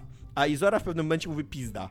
Co nie? I ona, i ta, i ta, ta shit nagle ma takie, że oh my, oh my god, co nie? Że Izora już jest na zupełnie innym etapie, co nie? Że to ja bym nigdy nie powiedział. This shit is next level, nie? Tak. No. Więc e, i, i, to jest autentycznie naprawdę dobry, dobrze napisany taki, taki ludzki moment, nie? Więc e, nie wiem, jeżeli was przeraża takie słownictwo, to nie czytajcie, ale jeżeli was interesuje właśnie głębia emocjonalna e, bohaterek i, i ciekawa historia, to jak najbardziej czytajcie. Ośli brzuch książka się nazywa, raz jeszcze powtórzę. Tymczasem Iga, e, co u ciebie się dzieje tam na YouTubie? Nie za wiele. Moje konto YouTube'owe jest dosyć martwe, dziękuję, że pytasz. E, nie, no na YouTubie, a co, jakby to, co doprowadzi do tego YouTube'a w późniejszej części tej historii, to będzie Twitter. A jak e, wiecie i my wiemy, e, każdy, każdy w tej branży lubi jak coś przecieka, nie? Lubimy jak e, się Tak. dowiemy czegoś wcześniej można o tym napisać artykuł, że właściwie to nic nie wiadomo, ale w tym artykule jest źródło, które jest artykułem kogoś innego, które Ja bym jest bardzo źródłem... chciał, ja bym bardzo chciał, żebyś nie disowała naszej 10-minutowej rozmowy na temat umów People Can Fly, których w życiu nie widzieliśmy na oczy. tak, dokładnie. Ja tutaj bardziej disuję to, co mówiłeś o Wikipedii. Że zwykle, jeżeli jest jakiś leak, czyli na przykład, o, jest jakiś screen z jakiejś gry, na którą być może czekamy, to nie masz tego screena z jakiegoś głównego źródła, tylko masz go z jakiegoś artykułu, jakby kto, kto, który ktoś wcześniej tam zrobił i tak się, jakby te newsy tam się powielają, nie? To może ja wytłumaczę dla naszych słuchaczy, bo ja to mówiłem poza anteną, że narzekałem na Wikipedię, jak byliśmy poza anteną, A mi się ponieważ... wydawało, że to było na antenie. Nie, nie, nie, nie. To było poza przepraszam. anteną. E, narzekałem na Wikipedię, m, ponieważ ten news, y, nasze to oświadczenie e, o zamknięciu, znaczy rozwiązaniu kolektywu ZAUM jest na Wikipedii e, przypis do tego, do PC Gamera bodajże, zamiast do po prostu źródła, jakim jest ten tekst, który Mhm. też został opublikowany w internecie na portalu medium.com. I takie jakieś dziwne pośredniczenie poprzez media jest dla mnie absolutnie niezrozumiałe. Tak, więc w każdym razie lubimy e, wszelkiego rodzaju przecieki giereczkowe, lubimy o tym dyskutować, lubimy zastanawiać się też i widzieć w przyszłość, co może mieć miejsce. Natomiast jest kilku takich, e, że tak powiem, zasłużonych dla branży e, likerów, takich osób, które właśnie tymi przeciekami się dzielą. I jeden z nich to była taka postać na Twitterze, która się. Ojejku, przepraszam. Która się nazywała The Real Insider.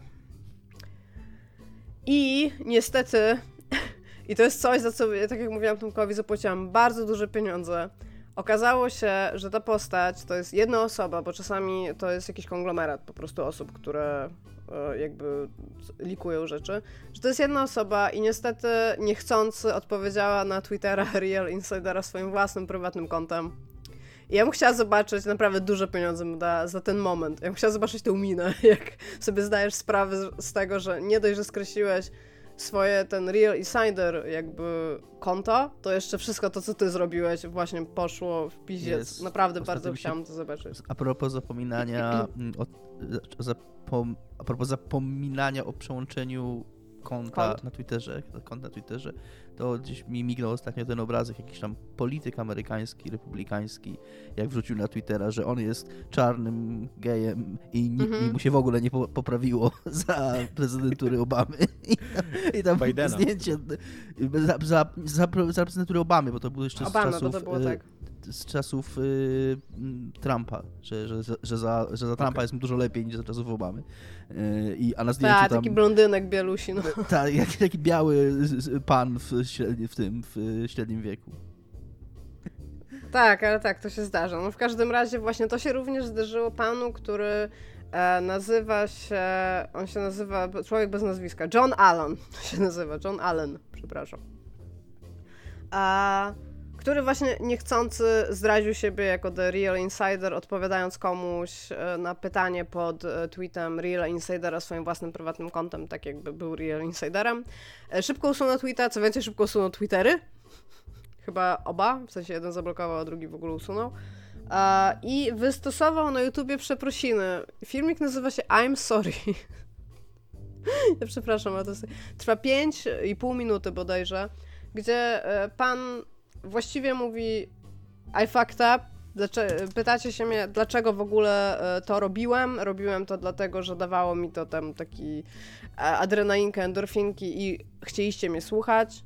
A, I pan ogólnie likował rzeczy z Ubisoftu, z którym to Ubisoftem współpracował, więc bardzo mocno łamał NDA, e, zdradzając informacje ze sprawdzonych źródeł. Natomiast e, jego konto było też pełne takich e, jakby zgadywanek, ale takich dosyć logicznych, na przykład na zasadzie, co by mogło być e, następne w tej tej serii. Jakby dało się wywnioskować mniej więcej, co mogło być następne. E, To też łykali dziennikarze, co też go jakby tak trochę łechtało na zasadzie, o, tutaj napisałem jakiś bullshit, a wy to tam drukujecie tam u siebie, czy tam dajecie to u siebie na stronie.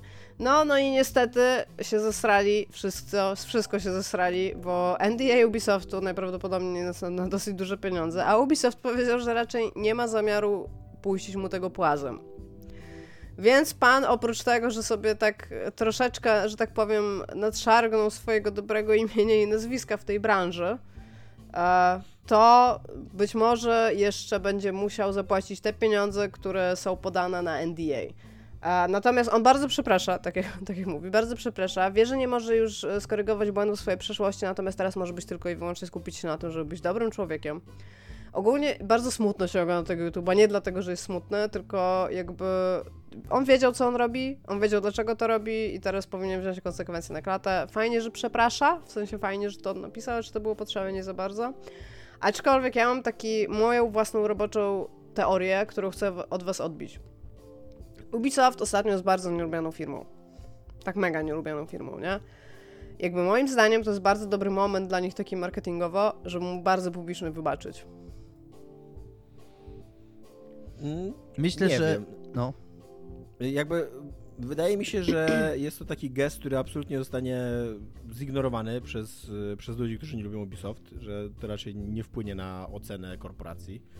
E, A wydaje mi się, że Ubisoft nie będzie skłonny, żeby wybaczać takie rzeczy, ponieważ e, korporacjom zależy na tym, żeby dawać przykłady innym ludziom, którym może za chwilę przyjść do głowy, Tak, żeby coś takiego zrobić. Aczkolwiek NDA, e, to, które on złamał, jest na zasadzie embargo, tutaj pokazuję w cudzysłowie, bo embargo samo w sobie nie jest właściwie prawnym zapisem. To jest jakaś umowa dżentelmeńska, którą podpisujesz na umowie, ale którą oni musieliby udowodnić w sądzie, że złamanie tego embargo i te, te informacje, które on niknął, realnie im zaszkodziło, czego nie będą w stanie zrobić.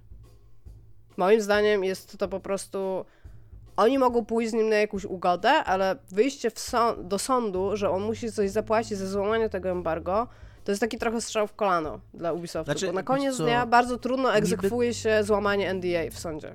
Niby tak, ale ja się, ja się bardzo zgadzam z tym, co Tomek powiedział. Po pierwsze, nie widzę w ogóle tego marketingowego zysku z wybaczenia mu, ponieważ w ogóle wiek, do większość ludzi nie usłyszy w ogóle o tej sytuacji. Eee, i, i, a, a nawet jeżeli usłyszy, to będą na zasadzie, odbiorą to na zasadzie właściwie czemu ma mnie to w jakikolwiek sposób obchodzić, co się z tym typem stanie z, Twittera i z YouTube'a. Eee, A, a wydaje mi się, że ten, ta, ta siła właśnie dobrego przykładu, że, że właśnie pokazania innym pracownikom, bo jeżeli oni teraz mu wybaczą, to inni pracownicy stwierdzą, okej, tam, czyli można to On robić. nie był pracownikiem stricte, on z nimi współpracował, ale Okej. to nie był osoba zatrudniona w Ubisoftie. Okej, no ale wciąż, jasne, no ale wciąż mam takie wrażenie, że, że, że Ubisoftowi zdecydowanie będzie zależało tutaj właśnie na zrobieniu, na pokazaniu innym, że właśnie że pójście po całości i pokazanie innym, jakie konsekwencje ma łamanie tych umów. Dlatego mówię, bardzo trudno będzie im coś, Znaczy- e, do czegoś dojść na drodze sądowej. Ja uważam, że ja uważam, że Ubisoft wejdzie tam, wiesz, yy, znaczy to oczywiście zobaczymy, co nie, ale że wejdzie całą potęgą swojej korpomocy, co nie, e, w tą sprawę, zacznie grozić kolesiowi i tak dalej, ale tak naprawdę no Ubisoft też nie jest na pewno zainteresowany przedłużającym się procesem, co nie? W Dlatego którym- chodzi mi o to, że na ugodę jeszcze- mogą się zgodzić. Tak, w którym jeszcze byłyby jawne jakieś tam informacje pewnie, można by było coś tam z niego powyciągać. Koleś pewnie by tam stał się w końcu, był postrzegany jako ofiara, więc Ubisoft wejdzie jakby tam z buta, ale bardzo szybko zaproponuje ugodę, taką, że musisz się przyznać, przede wszystkim musisz się przyznać i musisz ci być bardzo szybko, bardzo żal i tak dalej. Najprawdopodobniej go nie puszczą z torbami, bo to też nie jest jakoś w, w typiu, znaczy w interesie Ubisoftu, nie? E, No ale jednak taką, taką lekcję, taką nau naukę jakąś w, tym, w tej ugodzie będzie miał, co nie? Będzie miał jakiś, nie wiem, jakąś karę, jakieś prace społeczne, czy nie wiem, coś. Jezu, będzie musiał pracować dla Ubisoftu na przykład przez następne dwa lata. To będzie jego kara. O Jezu. Oje, i będzie tak molestowany. Będzie dwa razy częściej molestowany. No, ale w każdym razie jest panu bardzo przykro. On jakby już wyraża czynny żal na tym YouTubie. bardzo bym chciała, jeżeli chcecie takiego do, dobrego cringe'u, to ja bardzo polecam zobaczyć sobie tego YouTube'a. Jakby nikomu, jakby nikomu to nie było potrzebne. Czy te liki, które on dawał, to też był jakiś fenomen. Jakby każdy wie, że będzie kolejny Assassin's Creed, nie? Jakby nie potrzebujemy lików do tego. Ja mogę teraz powiedzieć, ja nie mam żadnego NDA z Ubisoftem, jakby no nie mam, że będzie kolejny Assassin's Creed, najprawdopodobniej gdzieś w przeszłości historycznej i tam będzie bohater, albo dwóch, albo czterech, jeżeli będzie koop, jakby Ja mogę To, wymienić to, teraz to od ręki takie liki, nie? cztery epoki historyczne jestem pewien, że w ciągu 12 lat któraś z nich będzie, którą z nich trafi. Dajesz. E, rewolucja e, Cromwella w Anglii. E, co tam jeszcze? Pierwsza wojna światowa. Od dawna się mówi o pierwszej wojnie światowej. Co jeszcze? No, starożytny Rzym, jeszcze raz. Bo No, te, Też bym powiedziała, że jeszcze raz starożytny Rzym powinien e, być. I no. Bizancjum. I okres Bizancjum. Okej. I 12 lat dajemy. A na przykład Sumerowie? Chwilę, chwilę, czemu my jesteśmy w tym miejscu, że znowu spekulujemy? Gdzie będzie asasyn kolejny? My likujemy. My nie- my nie likujemy spekulujemy. Żebyśmy... My robimy przecieki. e, że My chcemy móc nagrać wideo I'm sorry na YouTubie. Więc jakby to do tego idziemy. Jakby teraz zapyta się mnie Tomek, Iga, ale czy jest ci przykro tego pana? Iga, ale jest ci Jest przykro mi- tego pana? Co, nie, nie wiem, Jest dlaczego mi- musiałem tak zapytać w ogóle wbrew Też nie wiem, ale jakby, jakby czy jest mi przykro... Jest mi trochę przykro jako, że jako osoba będzie miała teraz problemy, ale jakby jak się likuje rzeczy, to sobie zdajesz z tego sprawę. Jeżeli nie potrafisz przyłączać konta twitterowego, to nie likuj rzeczy. Po prostu nie likuj rzeczy wtedy tam jakby jako a thing. A i jakby no zjadł to, co ugotował. Kropka. Wypił to, No co tak, no. Ja Bo chciałem co powiedzieć to jest tylko... w ogóle... No, skończ. No bo jakby ja roz... jeżeli jesteś dziennikarzem growym, jeżeli jesteś stricte dziennikarzem growym, to po pierwsze nie masz najczęściej podpisanych żadnych NDA z nikim, bo po prostu jesteś w stanie pisać rzeczy, tak? I te NDA cię przed tym powstrzymują. Więc jak jesteś takim dziennikarzem śledczym growym i tam chodzisz i tam myślisz o tych likach i tam szukasz rzeczy albo masz jakichś informatorów, którzy ci przekazują informacje, to po prostu piszesz o tym artykuły, tak? A ten ziomaczek, ja nie wiem, co on chciał ugrać na tym wszystkim, jakby... No tak, no do, dostawał posłuch u ludzi, wow. Bez sensu. No Dominik, proszę. Ja mam na ten temat tylko takie zdanie, że leak to po angielsku por i Jest, apory, no. apory to są super. I to jest moja So, wczoraj zrobiłam... profesjonalna dziennikarska opinia na ten temat. Wczoraj, wczoraj usmażyłam trochę rzeczy i tam był por i ten por dał bardzo dobry taki... Tak, pory są Trochę naprawdę- ostry, ale nie, za, nie taki za ostry ten. Ja się zgadzam. Tak, tak. Y, Zarówno surowy por, y, zamiast cebuli na przykład do pomidorów, albo O, pyszne, no. gotowany, y, pieczony do rybki. mm, Pory są 10 na 10. I gdyby ten pan się na przykład zajmował tym, to by było lepiej. w tej dyskusji na Assassinie Creed, na Assassin's Creed, a ja się zastanawiam, jakim cudem my się znaleźliśmy na porach.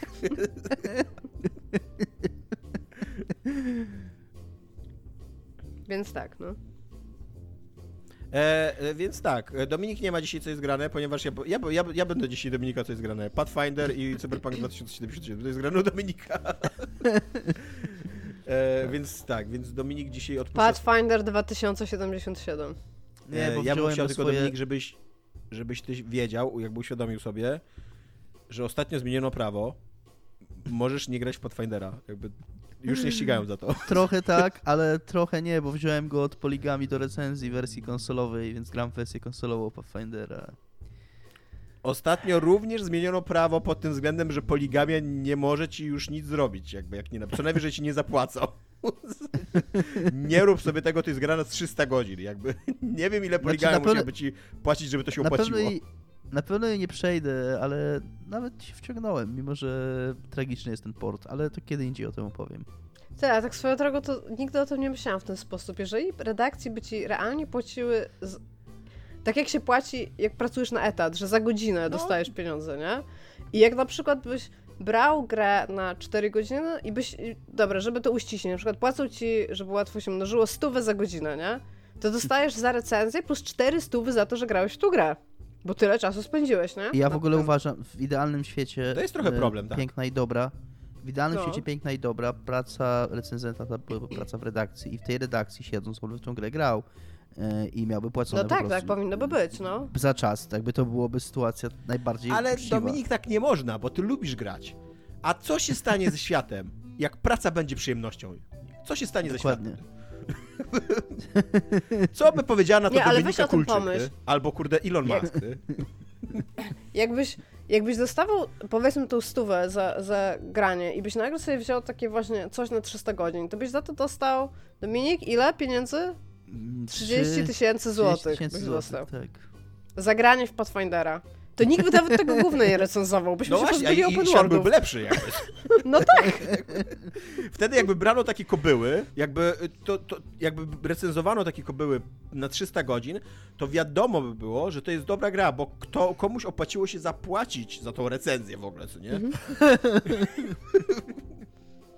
ale nikt by już nie robił właśnie takich bullshitów na zasadzie waty, bo redakcje by nie chciały tego recenzować. To by było win-win-win. No ale to 100 zł za godzinę to sobie taką niezłą stawkę.